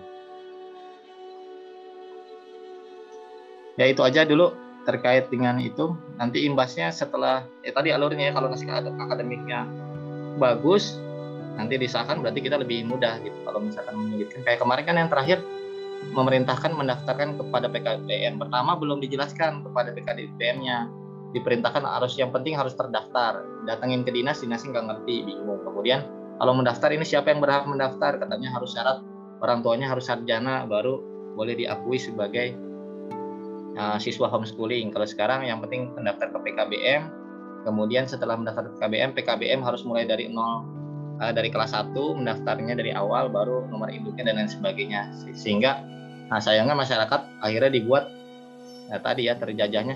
Aduh nanti kalau nggak punya nomor gimana? Kalau nanti saya nggak terdaftar gimana? Kalau saya mah insya Allah pemerintah pasti mengakui ya meskipun saya telat mendaftar. Ya kayak gini aja ya telat telat bikin akte kelahiran atau ada teman saya tuh yang sampai sampai kuliah nggak punya KTP mungkin ada banyak orang nggak punya KTP nanti gimana nggak diakui? Ya nanti kan tinggal diakui aja. Tinggal dibuatkan aja KTP-nya menyusul. Nggak punya akte ya dibikin aja proses bahwa dia uh, ada saksinya dia lahir di Indonesia uh, dia diakui online ya udah diminta. Jadi ada aktenya kayak gitu aja sih maksudnya. Kok nggak diakui masa sih nggak diakui? Orang kita penduduk sini dan warga sini sehari-hari di sini. Nggak mungkin nggak diakui gitu ya. Demikian silakan Kak Seha yang mau disampaikan. Ya, Assalamualaikum warahmatullahi wabarakatuh. Assalamualaikum warahmatullahi wabarakatuh. Ini sebenarnya pertanyaan titipan dari pacar Pak Lur. Oh, ke mana nih pacarnya? Nggak nong nggak nongol ini? Iya, suruh ngomong sendiri nggak mau, katanya salam aja. Ya, salam. Iya, ini kan tadi eh, dijelaskan di awal kan katanya eh, pemerintah eh, banyak mengeluarkan regulasi ya, seperti pemerintahan kolonial zaman dulu, jadi seakan-akan seperti itu, kayak seperti masih dijajah dan sebagainya. Eh, kalau misalnya uh, pemerintah melakukan hal itu kan nggak 100% jelek sebenarnya ya Pak Lur ya. Pasti ada uh, sedikit lah walaupun manfaatnya. Kayak misalnya kompetensi para guru kan dibikin mungkin uh, berdasarkan standar-standar tertentu biar nanti uh, kualitas guru juga meningkat kan bisa seperti itu manfaatnya atau akreditasi sekolah-sekolah kan biar kelihatan mana memang sekolah-sekolah yang uh, memenuhi syarat-syarat uh, tertentu yang distandarkan pemerintah. Mungkin uh, standarnya ini yang yang tanda kutip ya uh, sesuai kacamata pemerintah doang atau gimana gitu. Nah seperti itu jadi uh, ada manfaatnya walaupun sedikit. Nah kalau misalnya misalnya uh, kita tiadakan semua tidak ada regulasi seperti itu, tidak ada kompetensi, tidak ada akreditasi, tidak ada Eh, standar-standar uh, SOP dari pemerintah untuk lembaga-lembaga uh, atau para guru atau yang lainnya. Kalau menurut Pak Lur, uh, dengan apa uh, penilaian rakyat terhadap hal-hal yang memang harus uh, ada kualitasnya gitu? Kan kalau ada seperti yang kayak tadi kan kelihatan, oh ini yang sudah terakreditasi berarti lebih baiklah dari yang belum. Atau oh guru yang sudah berkompetensi berarti memang sudah ikut ujian kompetensi gitu.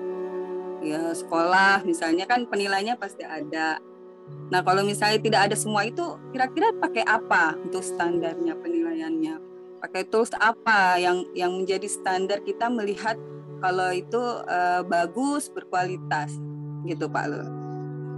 Baik, masih ada lagi?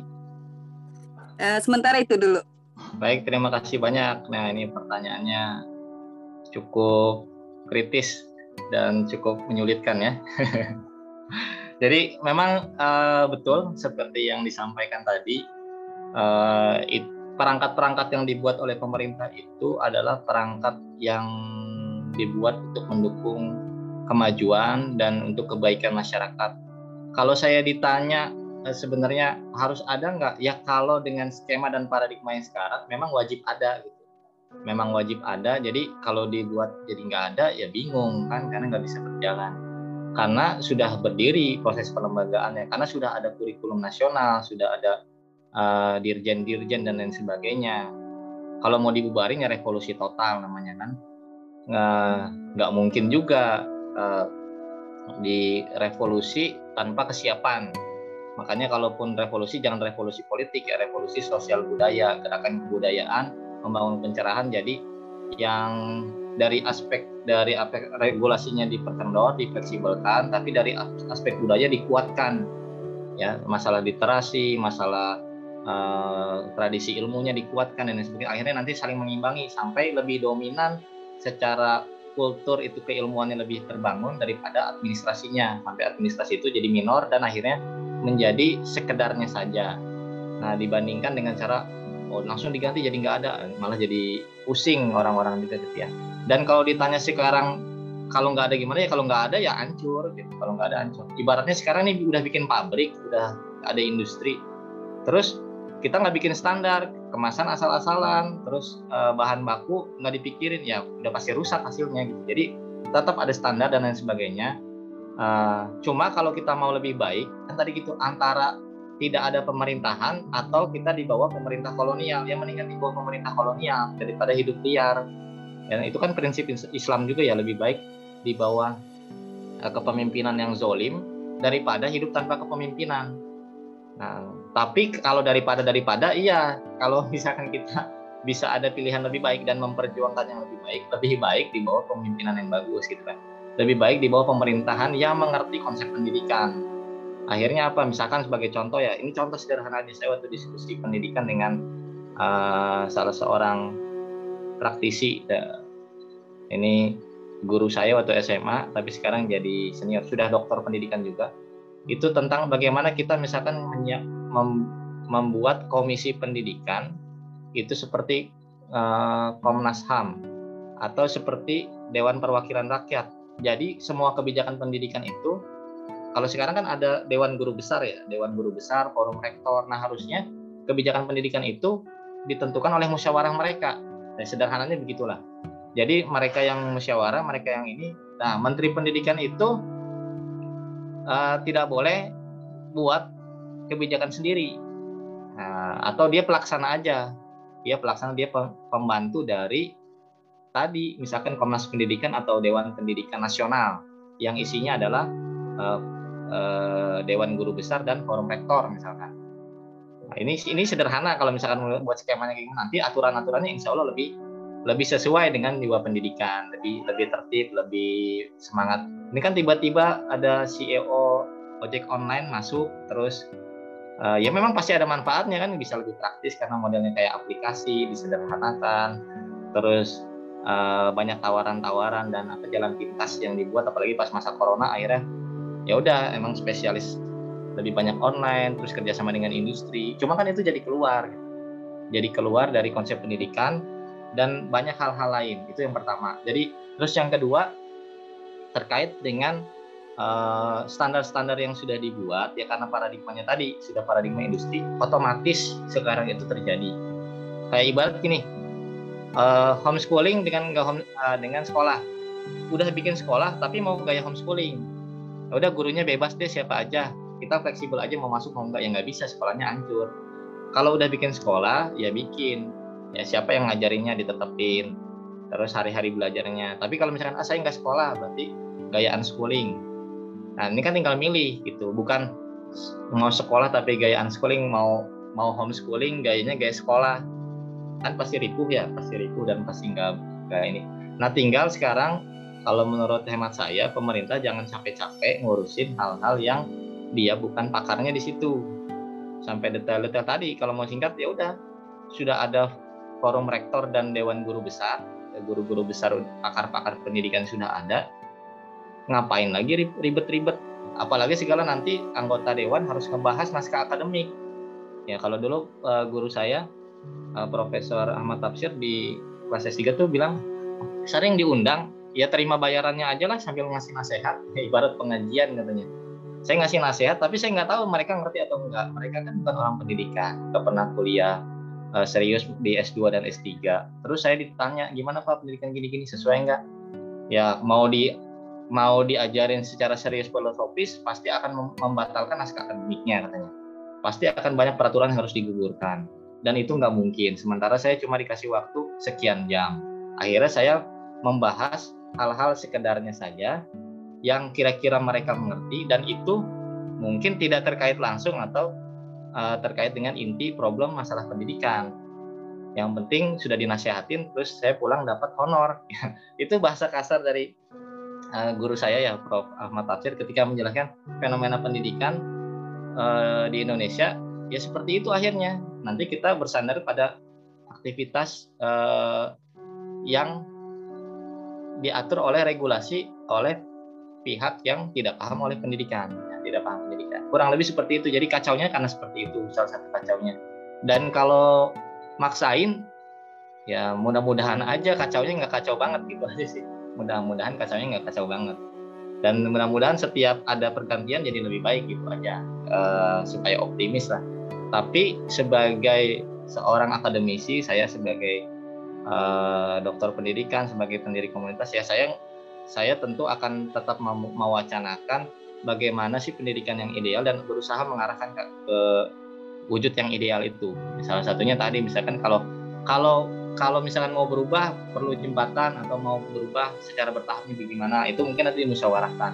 Tapi kalau eh, yang ideal seperti apa ya tadi misalkan gaya yang ideal itu pertama kita hapuskan dulu standar-standar yang ada di industri. Ya. Idealnya pendidikan adalah bagaimana seorang murid itu bisa ikut kepada apa bisa ikut duduk khidmat menyimak seorang ahli ilmu sesuai dengan keilmuannya dan masyarakat kita membayangkan gini aja deh kalau misalkan nggak nggak ribet-ribet nggak banyak regulasi nggak uh, kelembagaan yang nggak banyak kita membayangkan kita datang ke sebuah kampung yang masih di leweng banget masih perkampungan banget mungkin kita punya kampung halaman di kampung itu ada ada majelis taklim atau ada pesantren ya kira-kira seperti itu datanglah itu pesantren sekarang kita datang ke daerah terpencil nah kalau sekarang kan pemerintah daerah terpencil aja harus dibangunkan sekolah. Sampai-sampai yang tadinya petani, anak-anaknya jadi anak sekolahan, bukan jadi anak petani. Akhirnya nggak bisa nyangkul dan lain sebagainya. Padahal kalau misalkan uh, datang seorang ahli ilmu, ya, diutus aja ahli ilmu. Kayak kita ormas-ormas Islam itu ngutus para dai atau mau balik ke daerah terpencil ya, diislamkan, tapi struktur sosialnya nggak dirubah. Ya, struktur sosialnya tetap petani-petani, nelayan-nelayan. Artinya nanti kalau dalam bahasa pendidikan berbasis kearifan lokal. Masuk aja yang penting diajarkan ilmu apa? Ilmu agama dan mungkin wawasan kebangsaan. Ya, standar-standarnya yang lainnya apa? Standar paling standar pendidikan dasar baca tulis hitung.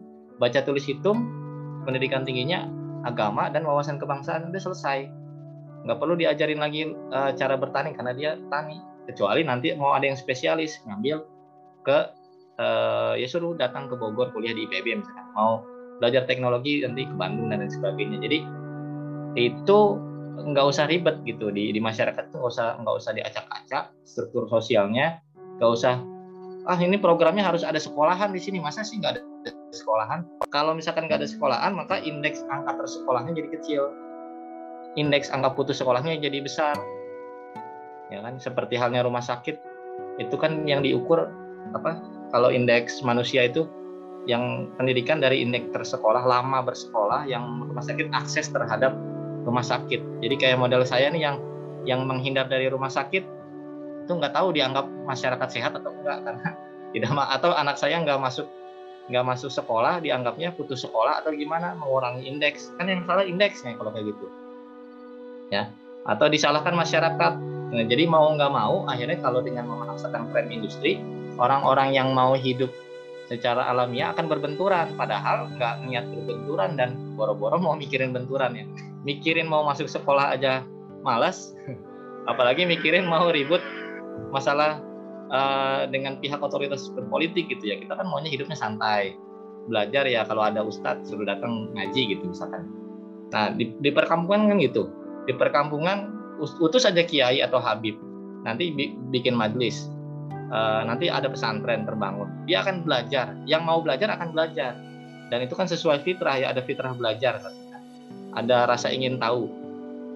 Yang belum siap nggak akan datang. Yang belum siap datang itu pasti akan diusir ya dikeluarkan kan apa kamu belum siap kamu belum bisa tertib kamu belum bisa ngikutin adab-adab di dalam majlis ini ya pasti yang datang pun akan mempersiapkan diri sudah pasang niat udah siapin bekal udah pasti pengen ngedengerin kiainya kalau kita anak kita datang dengan niat apa? Terpaksa.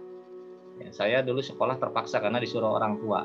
Bukan datang karena kangen sama guru, pengen dengerin penjelasan guru. Bukan. Jadi dan itu banyak kejadian kayak gitu. Ya silakan yang mau live nggak apa-apa. Kita masih ngobrol-ngobrol dulu nih. Uh, ya seperti itu. Jadi gambarannya uh, memang harus ada standar-standar, apalagi kalau sudah bikin framework industri ya atau sudah bikin kelembagaan yang formal sifatnya kalau bahasanya apa pelembagaan yang sangat formalistik maka otomatis ada nah masalahnya perlu nggak pelembagaan formalistik ini dilanjutkan atau diperbanyak atau dijadikan dominan? Atau cukup sekedarnya saja? Ya lembaga pendidikan itu seperti apa? Nah, kayak diskursus yang kemarin ya hilangnya UN kemudian malah eh, mewajibkan adanya uh, pendaftaran ke PKBM waktu itu kan uh, berurutan tuh ya uh, habis hilang UN terus uh, yang homeschooling suruh daftar ke PKBM kalau saya ditanya secara pribadi ya itu kemajuan ya kemajuan dari sisi ada kebijakan mau mendobrak ya. kemudian apalagi mau mau daripada frame yang nggak jelas ya udah frame-nya sekarang berarti gini dulu tuh mau nafik mau ngikutin industri tapi nggak nggak ngerti dunia industri ya. Mau bikin industri pendidikan tapi nggak ngerti industri. Sekarang dipimpin oleh orang yang ngerti industri 4.0 ya udah baguslah dari sisi itu lebih maju tapi semakin jauh dari pendidikan yang sebenarnya Nah, makanya kalau saya kalau saya dulu suruh milih misalkan ya kalau di kalau ditanya nggak ada yang nanya. Kalau ditanya gimana? Kalau saya mendingan dihapuskan sekolah, ditetapkan UN. Nah, dihapuskan sekolah berarti kan nggak ada benturan dan pembedaan antara yang homeschooling dan nggak homeschooling. Tapi dijadikan adanya wajib UN, orang yang mau tersertifikasi, mau dapat standar harus ngikut UN, asal UN-nya nggak ada bocoran. UN-nya Eh, betul-betul serius. Dan ada sekolah persiapan atau misalkan matrikulasi persiapan UN ya UN-nya dengan ngikutin polanya Mas, Mas Menteri kan dengan dua misalkan dua, dua atau tiga kompetensi dasar. Baca tuh ya kalau tadi bahasa saya bikin aja UN UN bahasanya ujian negara ya ujian negara atau ujian nasional dengan baca tulis hitung standar apa e, kalau bahasanya menteri itu standar kognitifnya apa numerik atau apa saya lupa terus. Baca tulis hitung uh, wawasan agama wawasan kebangsaan. Itu aja yang dites harus ada standarnya. Tesnya harus serius kalau perlu ada tes wawancaranya. Kan bisa bikin tes serius. Dibuatlah setiap awal bulan ada tes di dinas pendidikan. Dibuat dinas pendidikan tingkat kelurahan misalkan nanti yang disebut sudah lulus yang sudah bisa itu. Misalkan wajib bikin karya tulisnya juga terkait itu. Misalkan itu kan gampang ya sederhana. Kalau mau disederhanakan. Nah nggak ada sekolah tapi UN berstandar. Ya ya begitu. Kan gitu kayak zaman zaman tradisional dulu ya ada ujian negara datang ke ibu kota. Saya inget ingat film-film kungfu. Mau diakui sebagai orang yang uh, sesuai dengan kapasitas atau standar SDM sebuah kerajaan datang kan ke ibu kota Nah, nanti ujian negara. Kalau udah lulus dapat sertifikat itu ke mana aja? Oh ini orang udah pernah lulus ujian negara. Ada standarnya orang tahu. Ya sudah pernah kemampuan bahasanya sekian kemampuan berhitungnya sudah pernah dites wawasan kebangsaannya sudah dites. Dia akan bawa itu ke mana aja dia diakui oh dia orang yang sudah terstandar. Yang belum ya berarti harus tinggal dibilang gitu. Kalau yang nggak punya sertifikat UN uh, saya nggak mau terima sebagai pegawai misalkan gitu ya. Uh, kantor-kantor pemerintah atau kantor swasta yang uh, bonafit misalkan tinggal harus ada sertifikat UN dengan nilai minimal berapa. Kalau dia nilai belum ini ikut lagi ujian lagi nunggu ujian bulan depan lagi. Itu lebih sederhana ya. sama aja karena nanti sesuai dengan apa KKNI juga kan nanti penyamaan antara akhirnya kita kan hubungan uh, sinergitas antara dunia kerja dan dunia pendidikan sebetulnya nanti kan yang dipermasalahkan sebetulnya lebih ke arah situ. Nah, kalau saya dari sisi ini sebenarnya harusnya nggak dipermasalahkan dan nggak selalu dihubungkan. Tapi karena orang-orang masih mau menghubungkan, ya carilah hubungan yang paling sederhana, relasi pendidikan dan uh, dunia kerja yang sangat sederhana tadi. Misalkan uh, eh, UN-nya, ya UN pasti berstandar ya, karena soalnya dibuat oleh para pakar, oleh para pakar para ahli kemudian kalau perlu ada interview dan karya tulis atau karya akhir. Nah, jadi semacam ada sekolah tiga bulan lah uh, untuk menstandarkan orang. Kalau belum lulus ya nanti suruh daftar lagi di akademik berikutnya. Nah, ada semacam ujian ujian bela negara apa kan ada juga tuh. Pelatihan bela negara dimasukin lah misalkan itu dua hari. Nanti ujian bahasanya kayak kita ada tes TOEFL kan terpencar-pencar nih ada tes TOEFL ada TOEFL ada ada apa lagi? Tapi malah nggak ada tes standar bahasa Indonesia tes standar wawasan kebangsaannya. Kita misah malah di apa? Uh, pelatihan P4 atau apalah. Nah ini kan malah nggak terstandar dan tidak jadi program resmi dan hasilnya tidak diakui. Kan konyol kan? Ada rap nilai rapot bahasa Inggris 9 tapi harus ada tes TOEFL ya udah pernah latihan bela negara tapi masih harus tes apa surat minta bikin surat kelakuan baik. Padahal harus dia alumni bela negara alumni pelatihan P4 masih ditanyain lagi Pancasila kayak gimana kan gitu. Jadi semerawut lah karena sebenarnya sistem sistem peraturannya yang nggak punya nggak punya sistem adik yang bagus gitu. Jadi uh, pendidikan dibawa-bawa diseret-seret. Terus mau aja lagi. Terus mau aja uh, para praktisi pendidikannya mau aja para ilmuwan pendidikannya juga uh, nerima-nerima aja. Nah, jadi ini yang jadi problemnya adalah sebenarnya kita kayaknya senang-senang aja gitu ya. Kita uh, menerima aja bahwa ya keadaannya memang begini. Gimana cara memperbaikinya? Ya tadi uh, kalau kita memperbaiki ini persepsinya juga harus diluruskan ya memperbaiki kita sebagai apa kapasitasnya bicara. Kalau sebagai pemerintah ya tadi aturan-aturannya dibuat lebih rapi ringkas lebih fleksibel. Tapi kalau dari sisi masyarakat tadi saya masyarakat ya udah kasih pencerahan bikin kuliah-kuliah umum ajarin anak hidup bebas ajarin anak orang hidup bebas ya, bebas maksudnya bebas tuh pikirannya uh, tidak banyak terkungkung gitu ya. Tapi ya tetap ke arah agama dan uh, tertib bermasyarakat uh, kemudian apa nih kalau ujian kompetensi kalian sudah ada Pak Lur ujian. Nah ini maksudnya ujian kompetensi kan udah ada. Kompetensi dasar yang nggak ada jadinya. Itu yang dibuat oleh Mas Menteri.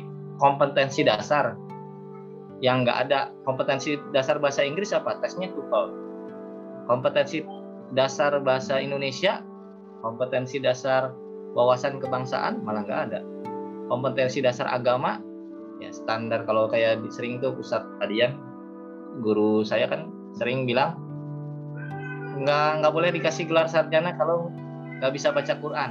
Nah, itu salah satu standar. Tapi kalau misalkan itu diujikan oleh negara, ya, yang Muslim kalau mau dianggap Muslim, warga negara Muslim, warga negara Indonesia yang beragama Islam, nggak apa kalau mau bikin KTP bahwa di agama Islam tes baca al-fatihah kan misalnya nah, itu kan bikin standar-standar yang rapi dan sederhana gitu ya kalau dia nggak bisa ya tinggal belajar nanti ulang lagi tes kayak bikin SIM gitu kan. Harus bisa ngendarain ini. Itu juga bikin SIM juga standar dibikin ribet supaya apa sampai si banyak yang bilang ah nggak mungkin lah bisa sekali dua kali lulus tes drive-nya dan lain sebagainya. Jadi nah itu padahal sekedar bisa bawa dan lain sebagainya. Terus yang bikin SIM misalkan ya yang bikin SIM ya kasih tingkatan lah SIM umum yang sekedar bisa mengendara sama SIM untuk jadi supir ya SIM untuk jadi supir jadi angkutan-angkutan yang di daerah apa lintas kota dan lain sebagainya itu kan bisa. Kalau mau ya kalau mau bisa sederhana disederhanain. Tapi kan banyak yang nggak mau disederhanain. Ya banyaknya mau yang agak ribet supaya ada proses administrasi ada pelaporan ada anggaran dan lain sebagainya. Jadi eh, kita banyak problemnya ke arah situ juga gitu. Kompetensi dasar sudah ada tapi nggak ada eh, pengakuannya kalau kita ada pengakuan saya, saya suka gini kan ya apa ada diskusi obrolan-obrolan nih sama teman-teman. Kalau sebagai kita sebagai guru bahasa Inggris sakit hati nggak?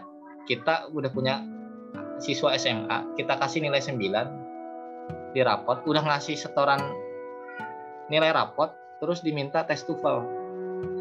Yang nggak diakui ini gurunya apa kurikulum SMA-nya itu sebagai contoh gitu ya atau kok malah nggak di tapi kalau misalkan bahasa Indonesia dilihatnya nilai rapotnya gitu.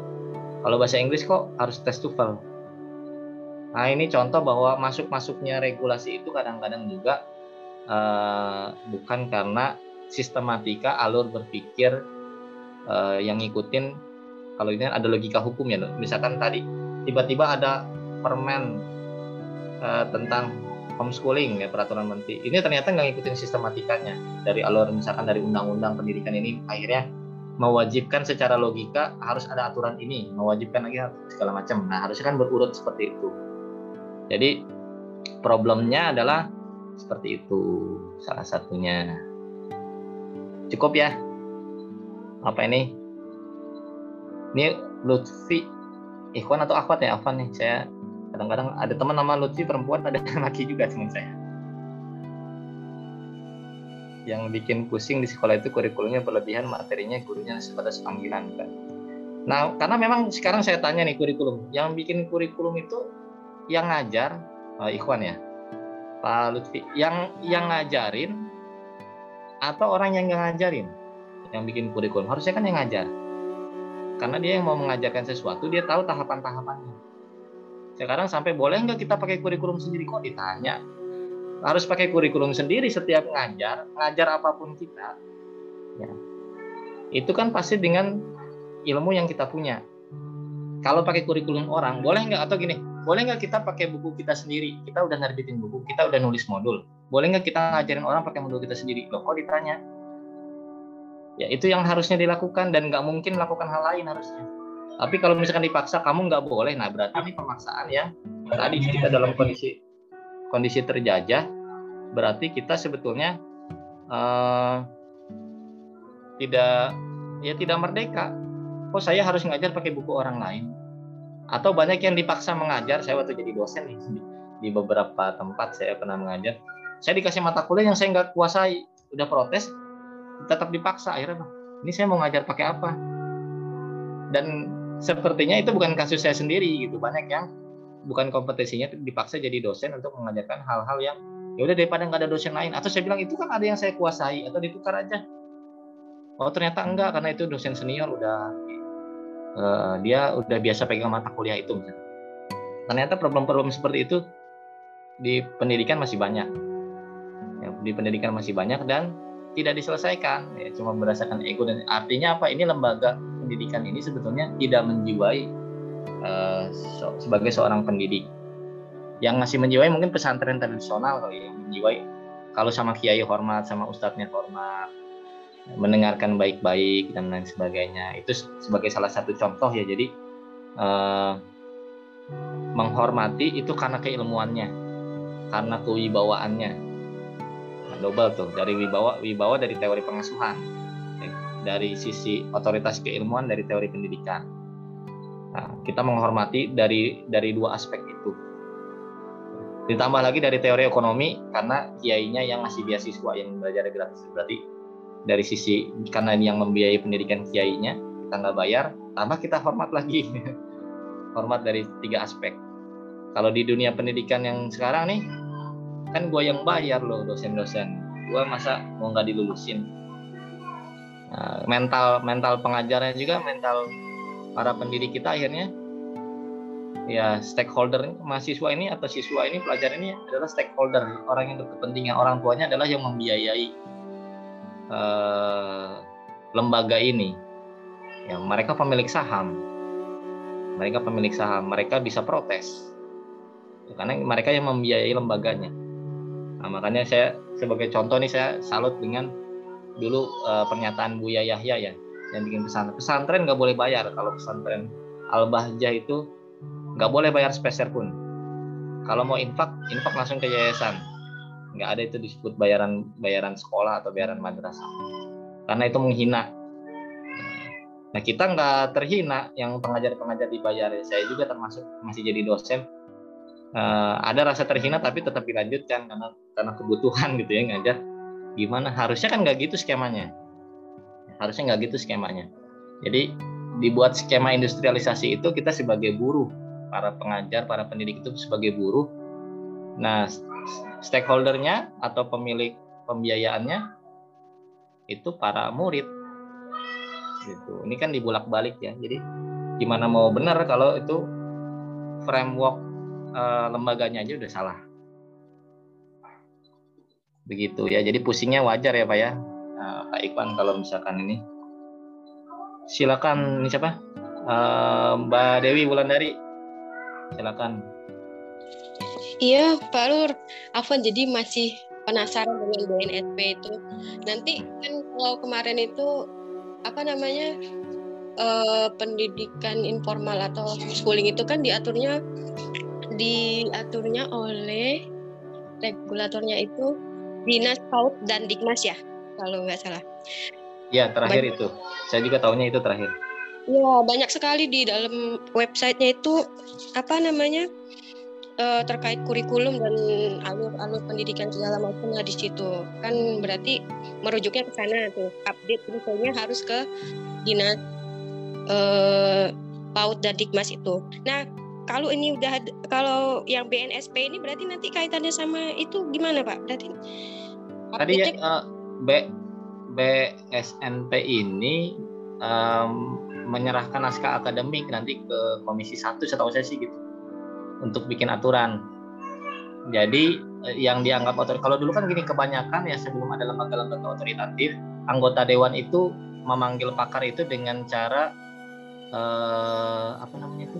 Hearing ya dengar pendak dengar pendapat di sidang komisi eh, para pakar diundang. Itu sekenanya aja kalau kenal sama siapa tahu ada profesor bidang apa dipanggil suruh menjelaskan akhirnya ditugaskan suruh menyusun.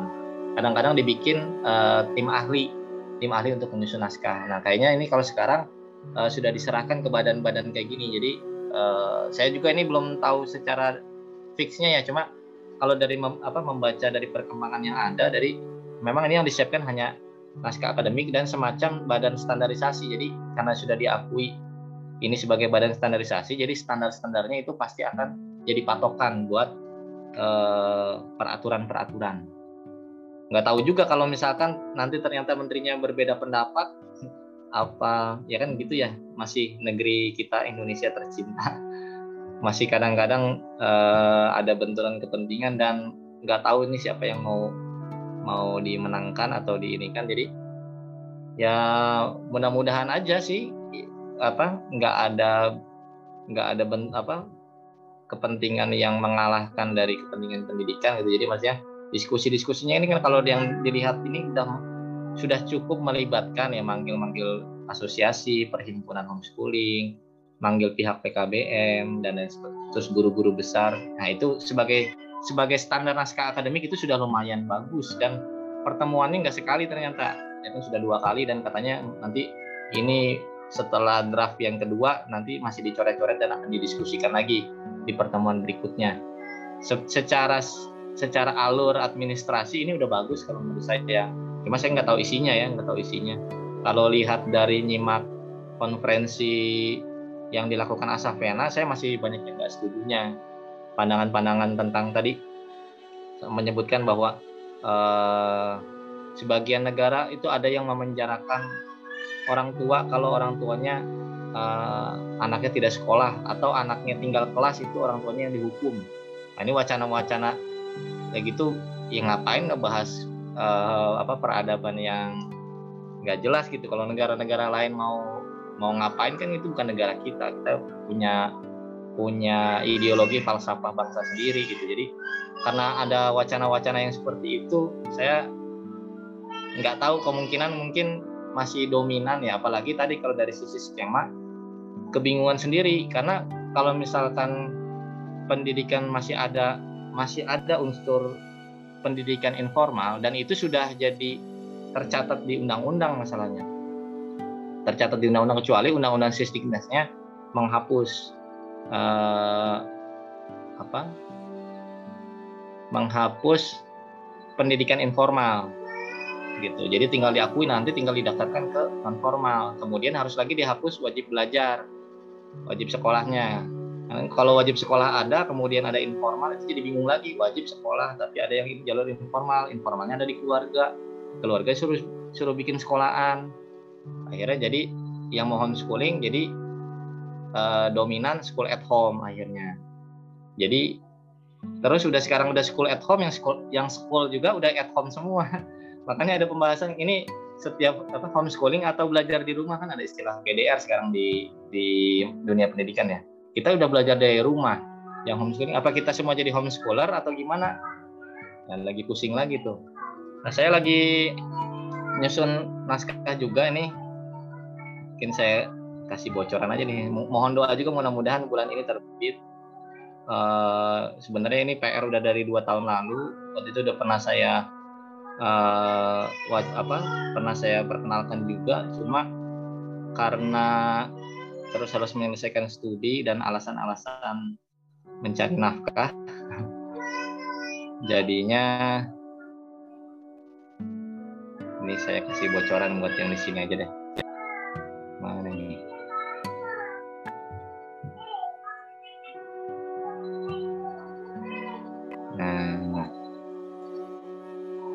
Jadi memang problemnya itu banyak. Ya, kalau saya sih, saya pribadi yang melihat melihat problem ini, ya kalaupun nanti secara aturan yang akan keluar aturannya kan nanti tinggal diprotes sederhananya gitu kalau biar kita nggak terlalu pusing ya nanti kita protes atau nunggu ganti menteri nunggu ganti presiden kebijakan kan bisa ganti lagi.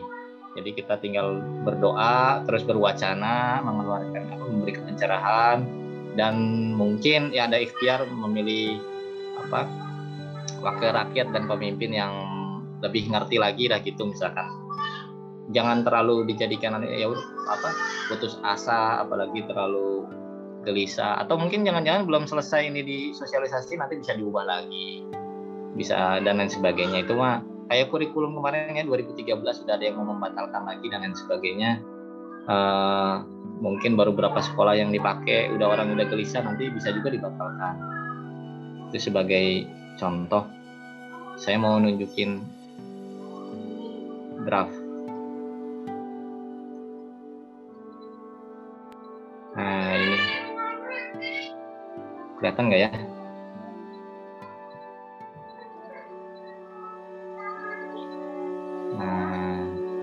ini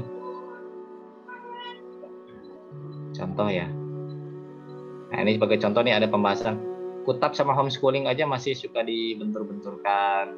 Terus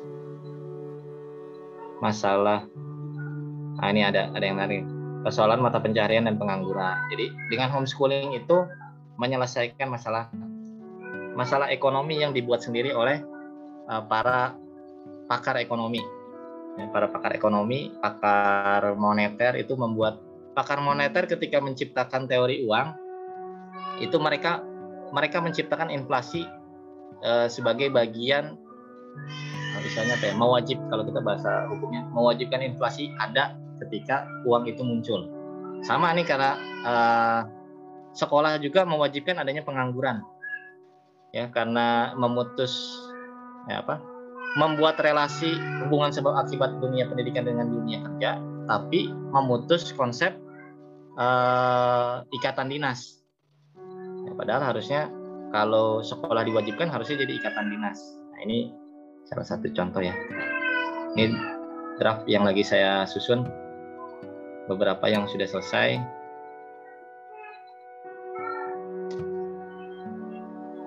Mudah-mudahan bulan ini sih kalau nggak ada nggak ada gangguan.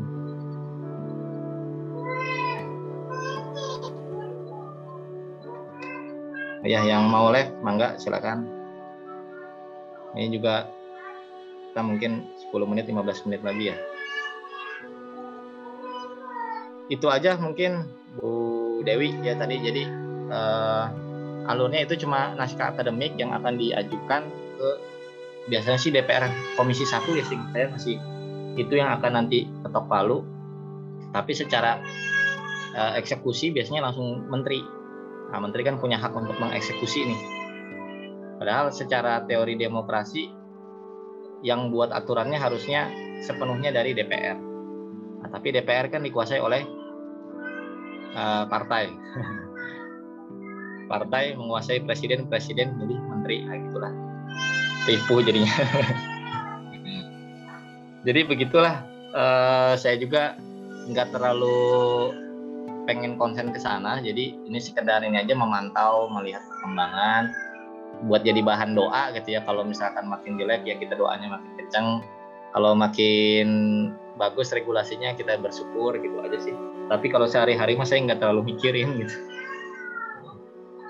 Itu aja nanti di grup uh, rekaman ini saya kasih kemudian saya kasih link juga apa konferensi yang dilakukan Asapena akhir tahun 2020 sebagai bahan untuk disimak karena Asapena salah satu unsur yang memberi masukan kepada eh, BSNP. Itu jadi sebagai gambaran wawasan kita kalau kita mau homeschooling kayak gini. Tapi kalau saya di sini menekankan sebetulnya ke paradigma yang berpikir kita uh, jangan sampai kita melanggengkan kolonialisme di bidang pendidikan atau kita melanjutkan penjajahan yang sebenarnya kita ini terjajah secara mental, secara pikiran, padahal kita punya agama yang membebaskan gitu ya, agama Islam. Kalau saya mengajak eh, ya supaya kembali ke fitrah kita, caranya apa? Caranya lihat baca lagi sejarah sejarah uh, dulu gitu ya, kembali berkaca kepada petua-petua orang tua dulu kembali ke pola hidup seperti orang tua dulu. Itu aja sih singkatnya. Kemudian supaya lebih terbimbing dan memastikan bahwa jalan orang-orang terdahulu itu tidak menyimpang, ya buka Al-Quran. Buka Al-Quran, cek di sana. Nah, saya lagi nyusun juga salah satunya adalah konsep pendidikan di dalam Al-Quran. Dan saya lihat di sini uh, belum ada satupun saya baca dari berbagai uh, referensi termasuk dari guru-guru saya belum ada yang menulis sistem pendidikan berdasarkan Al-Qur'an yang diambil dari ayat-ayat dirumuskan uh, sistem kelembagaannya kemudian sampai uh, pola-pola pendidikannya. Kebanyakan hanya biasanya ngutip ayat ku anfusakum wa ahlikum naro gitu ya terus nyuruh orang tua mendidik. Nah, padahal itu keliru. Padahal itu keliru secara teori itu teori pengasuhan bukan teori pendidikan. Ayatnya akhirnya ditarik-tarik sampai kesimpulannya biasanya uh, sebaik-baik pendidikan adalah orang tua tapi kamu tetap harus sekolah gitu. Sementara saya yang yang bikin komunitas homeschooling selalu bilang pendidikan itu bukan di orang tua ya, tapi di para guru para ahli ilmu itu aja mungkin kalau nggak ada yang lain lagi kita closing sudah cukup hampir dua jam. Halo. Mangga silakan. Afwan berarti uh, judul hijrah mitnya kolonial kolon apa kolonialisme pendidikan menuju kemerdekaan belajar itu uh, wacana yang masih sangat jauh sepertinya ya. ah, kalau untuk diterapkan hijrah hijrah makani ya hijrah yang betul-betul fisik kita aturan tadi sampai dirubah mungkin masih lama.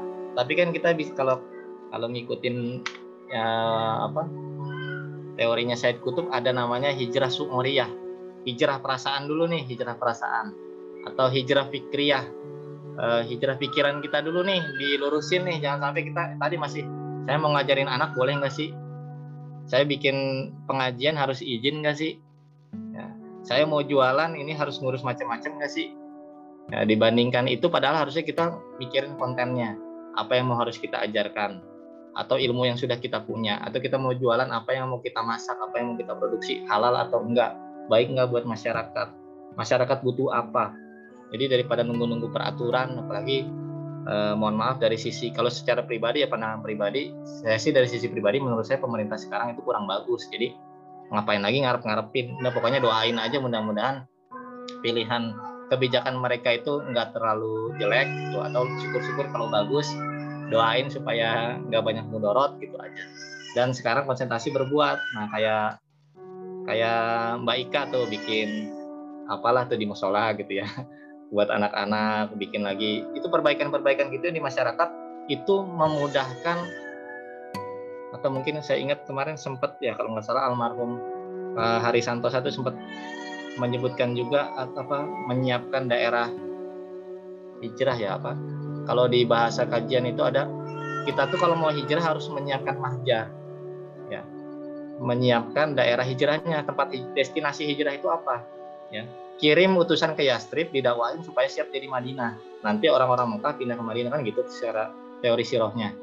Artinya sekarang kita mau hijrah tapi nggak siapin SDM generasi berikutnya yang siap atau kita siapkan infrastruktur. Tadi karena kalau misalkan tiba-tiba di stop tiba-tiba nggak ada sekolah kita nggak punya infrastruktur uh, learning web yang siap. Jejaring web. Saya ingat uh, pesan almarhum Pak Hari Santosa ke saya waktu ketemu itu uh, kita buat ini yuk aplikasi yang mempertemukan apa daftar para ahli. Jadi kalau misalkan mau belajar ke siapa tinggal buka aplikasi. Nanti dilihat radiusnya. Uh, di, di kecamatan kita ada ahli apa aja kita bisa datengin. Nah waktu itu usulan beliau saya kembalikan ya silakan Pak Hari lebih ahli saya bilang.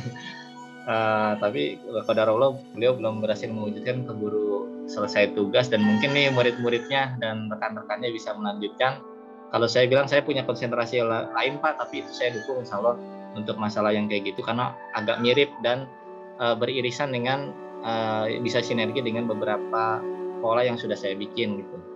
Nah ini sebagai contoh ya jadi kita berbuat hijrah itu tadi secara suuriah secara uh, uh, emosi kita, secara perasaan kita.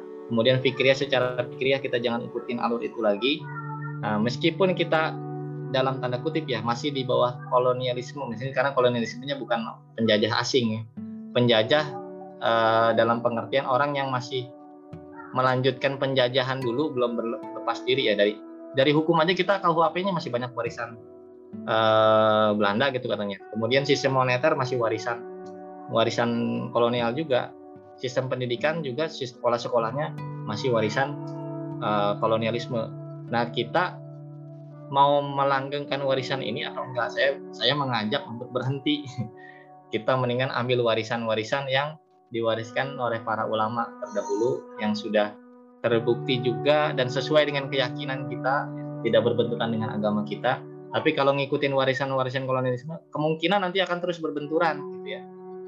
Mangga, mangga silakan. Yang duluan ini juga kita sambil tutup ya.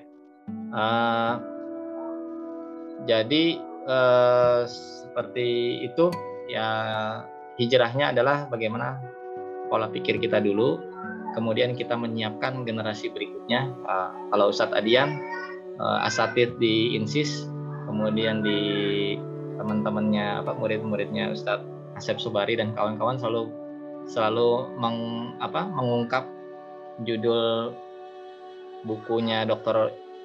apa, Majid Al-Kilani ya Ustadz Majid Al-Kilani itu hakaza jil apa jil Solahuddin wa hakaza Zuharo jil Solahuddin wa hakaza adat al-Quds nah, beginilah lahirnya munculnya generasi Solahuddin dan beginilah mereka membebaskan Al-Quds. Jadi bikin generasi dulu, menyiapkan generasi dulu, menyiapkan madrasah-madrasah para ulama dulu, dan menyiapkan dulu apa yang harus dipersiapkan supaya generasi berikutnya nggak lebih parah dari kita tapi lebih baik gitu ya. bisa lebih jadi pejuang sesuai dengan uh, ajaran Islam dan bisa lebih memajukan negeri kita ya uh, mengajak masyarakat kepada perbaikan tapi kalau kita cuma ikut-ikut aja apalagi kita nanya kita boleh apa nih kita boleh berbuat baik nggak sih? Kita boleh dakwah nggak nih? Ormas kita atau organisasi lembaga kita sudah diizinkan belum nih buat uh, dakwah terang-terangan kan seperti gitu. Izinnya jadi dari pemerintah. Nah itu yang yang dibikin apa? Kita tuh melanggengkan penjajahan karena kita berpatokan kepada sana. Kalau kita sebagai pemerintah, sebagai pemangku kepentingan misalnya membuat kebijakan, baru kita berpikir bagaimana membuat kebijakan yang terbaik untuk masyarakat. Tapi kalau kita sebagai uh, warga sebagai rakyat sebagai masyarakat ya kita jangan mikirin pemerintah ya jangan berpikir seperti pemerintah atau apalagi uh, apa-apa nunggu peraturan ya, kita mau berbuat baik nunggu peraturan. Sementara yang mau berbuat jahat nggak mikirin peraturan atau tahu peraturan untuk diakal-akalin. Nah, harusnya mah berbuat baik berbuat baik. Kalau saya selalu selalu, selalu berbaik sangka semua yang dilakukan selama kebaikan insya Allah akan diakui pemerintah. Ya, akan diakui lambat laun meskipun terlambat atau cepat atau lambat pasti diakui dan nggak mungkin ditolak pasti akan diberikan penghargaan. Kalaupun enggak di dunia nanti insya Allah kita dapat di akhirat. Begitu aja mungkin untuk uh, meeting kali ini.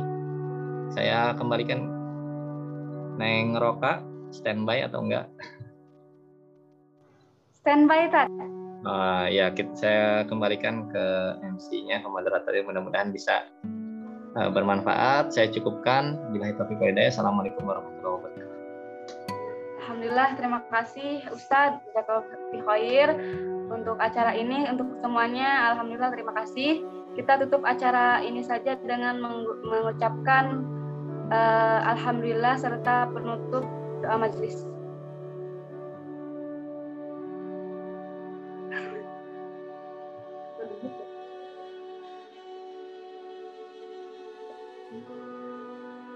Ya, Assalamualaikum. Sekian dari saya. Wassalamualaikum warahmatullahi wabarakatuh.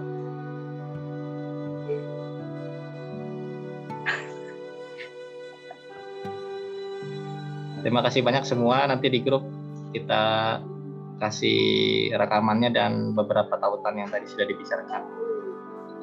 Pamit ya. Kita tutup.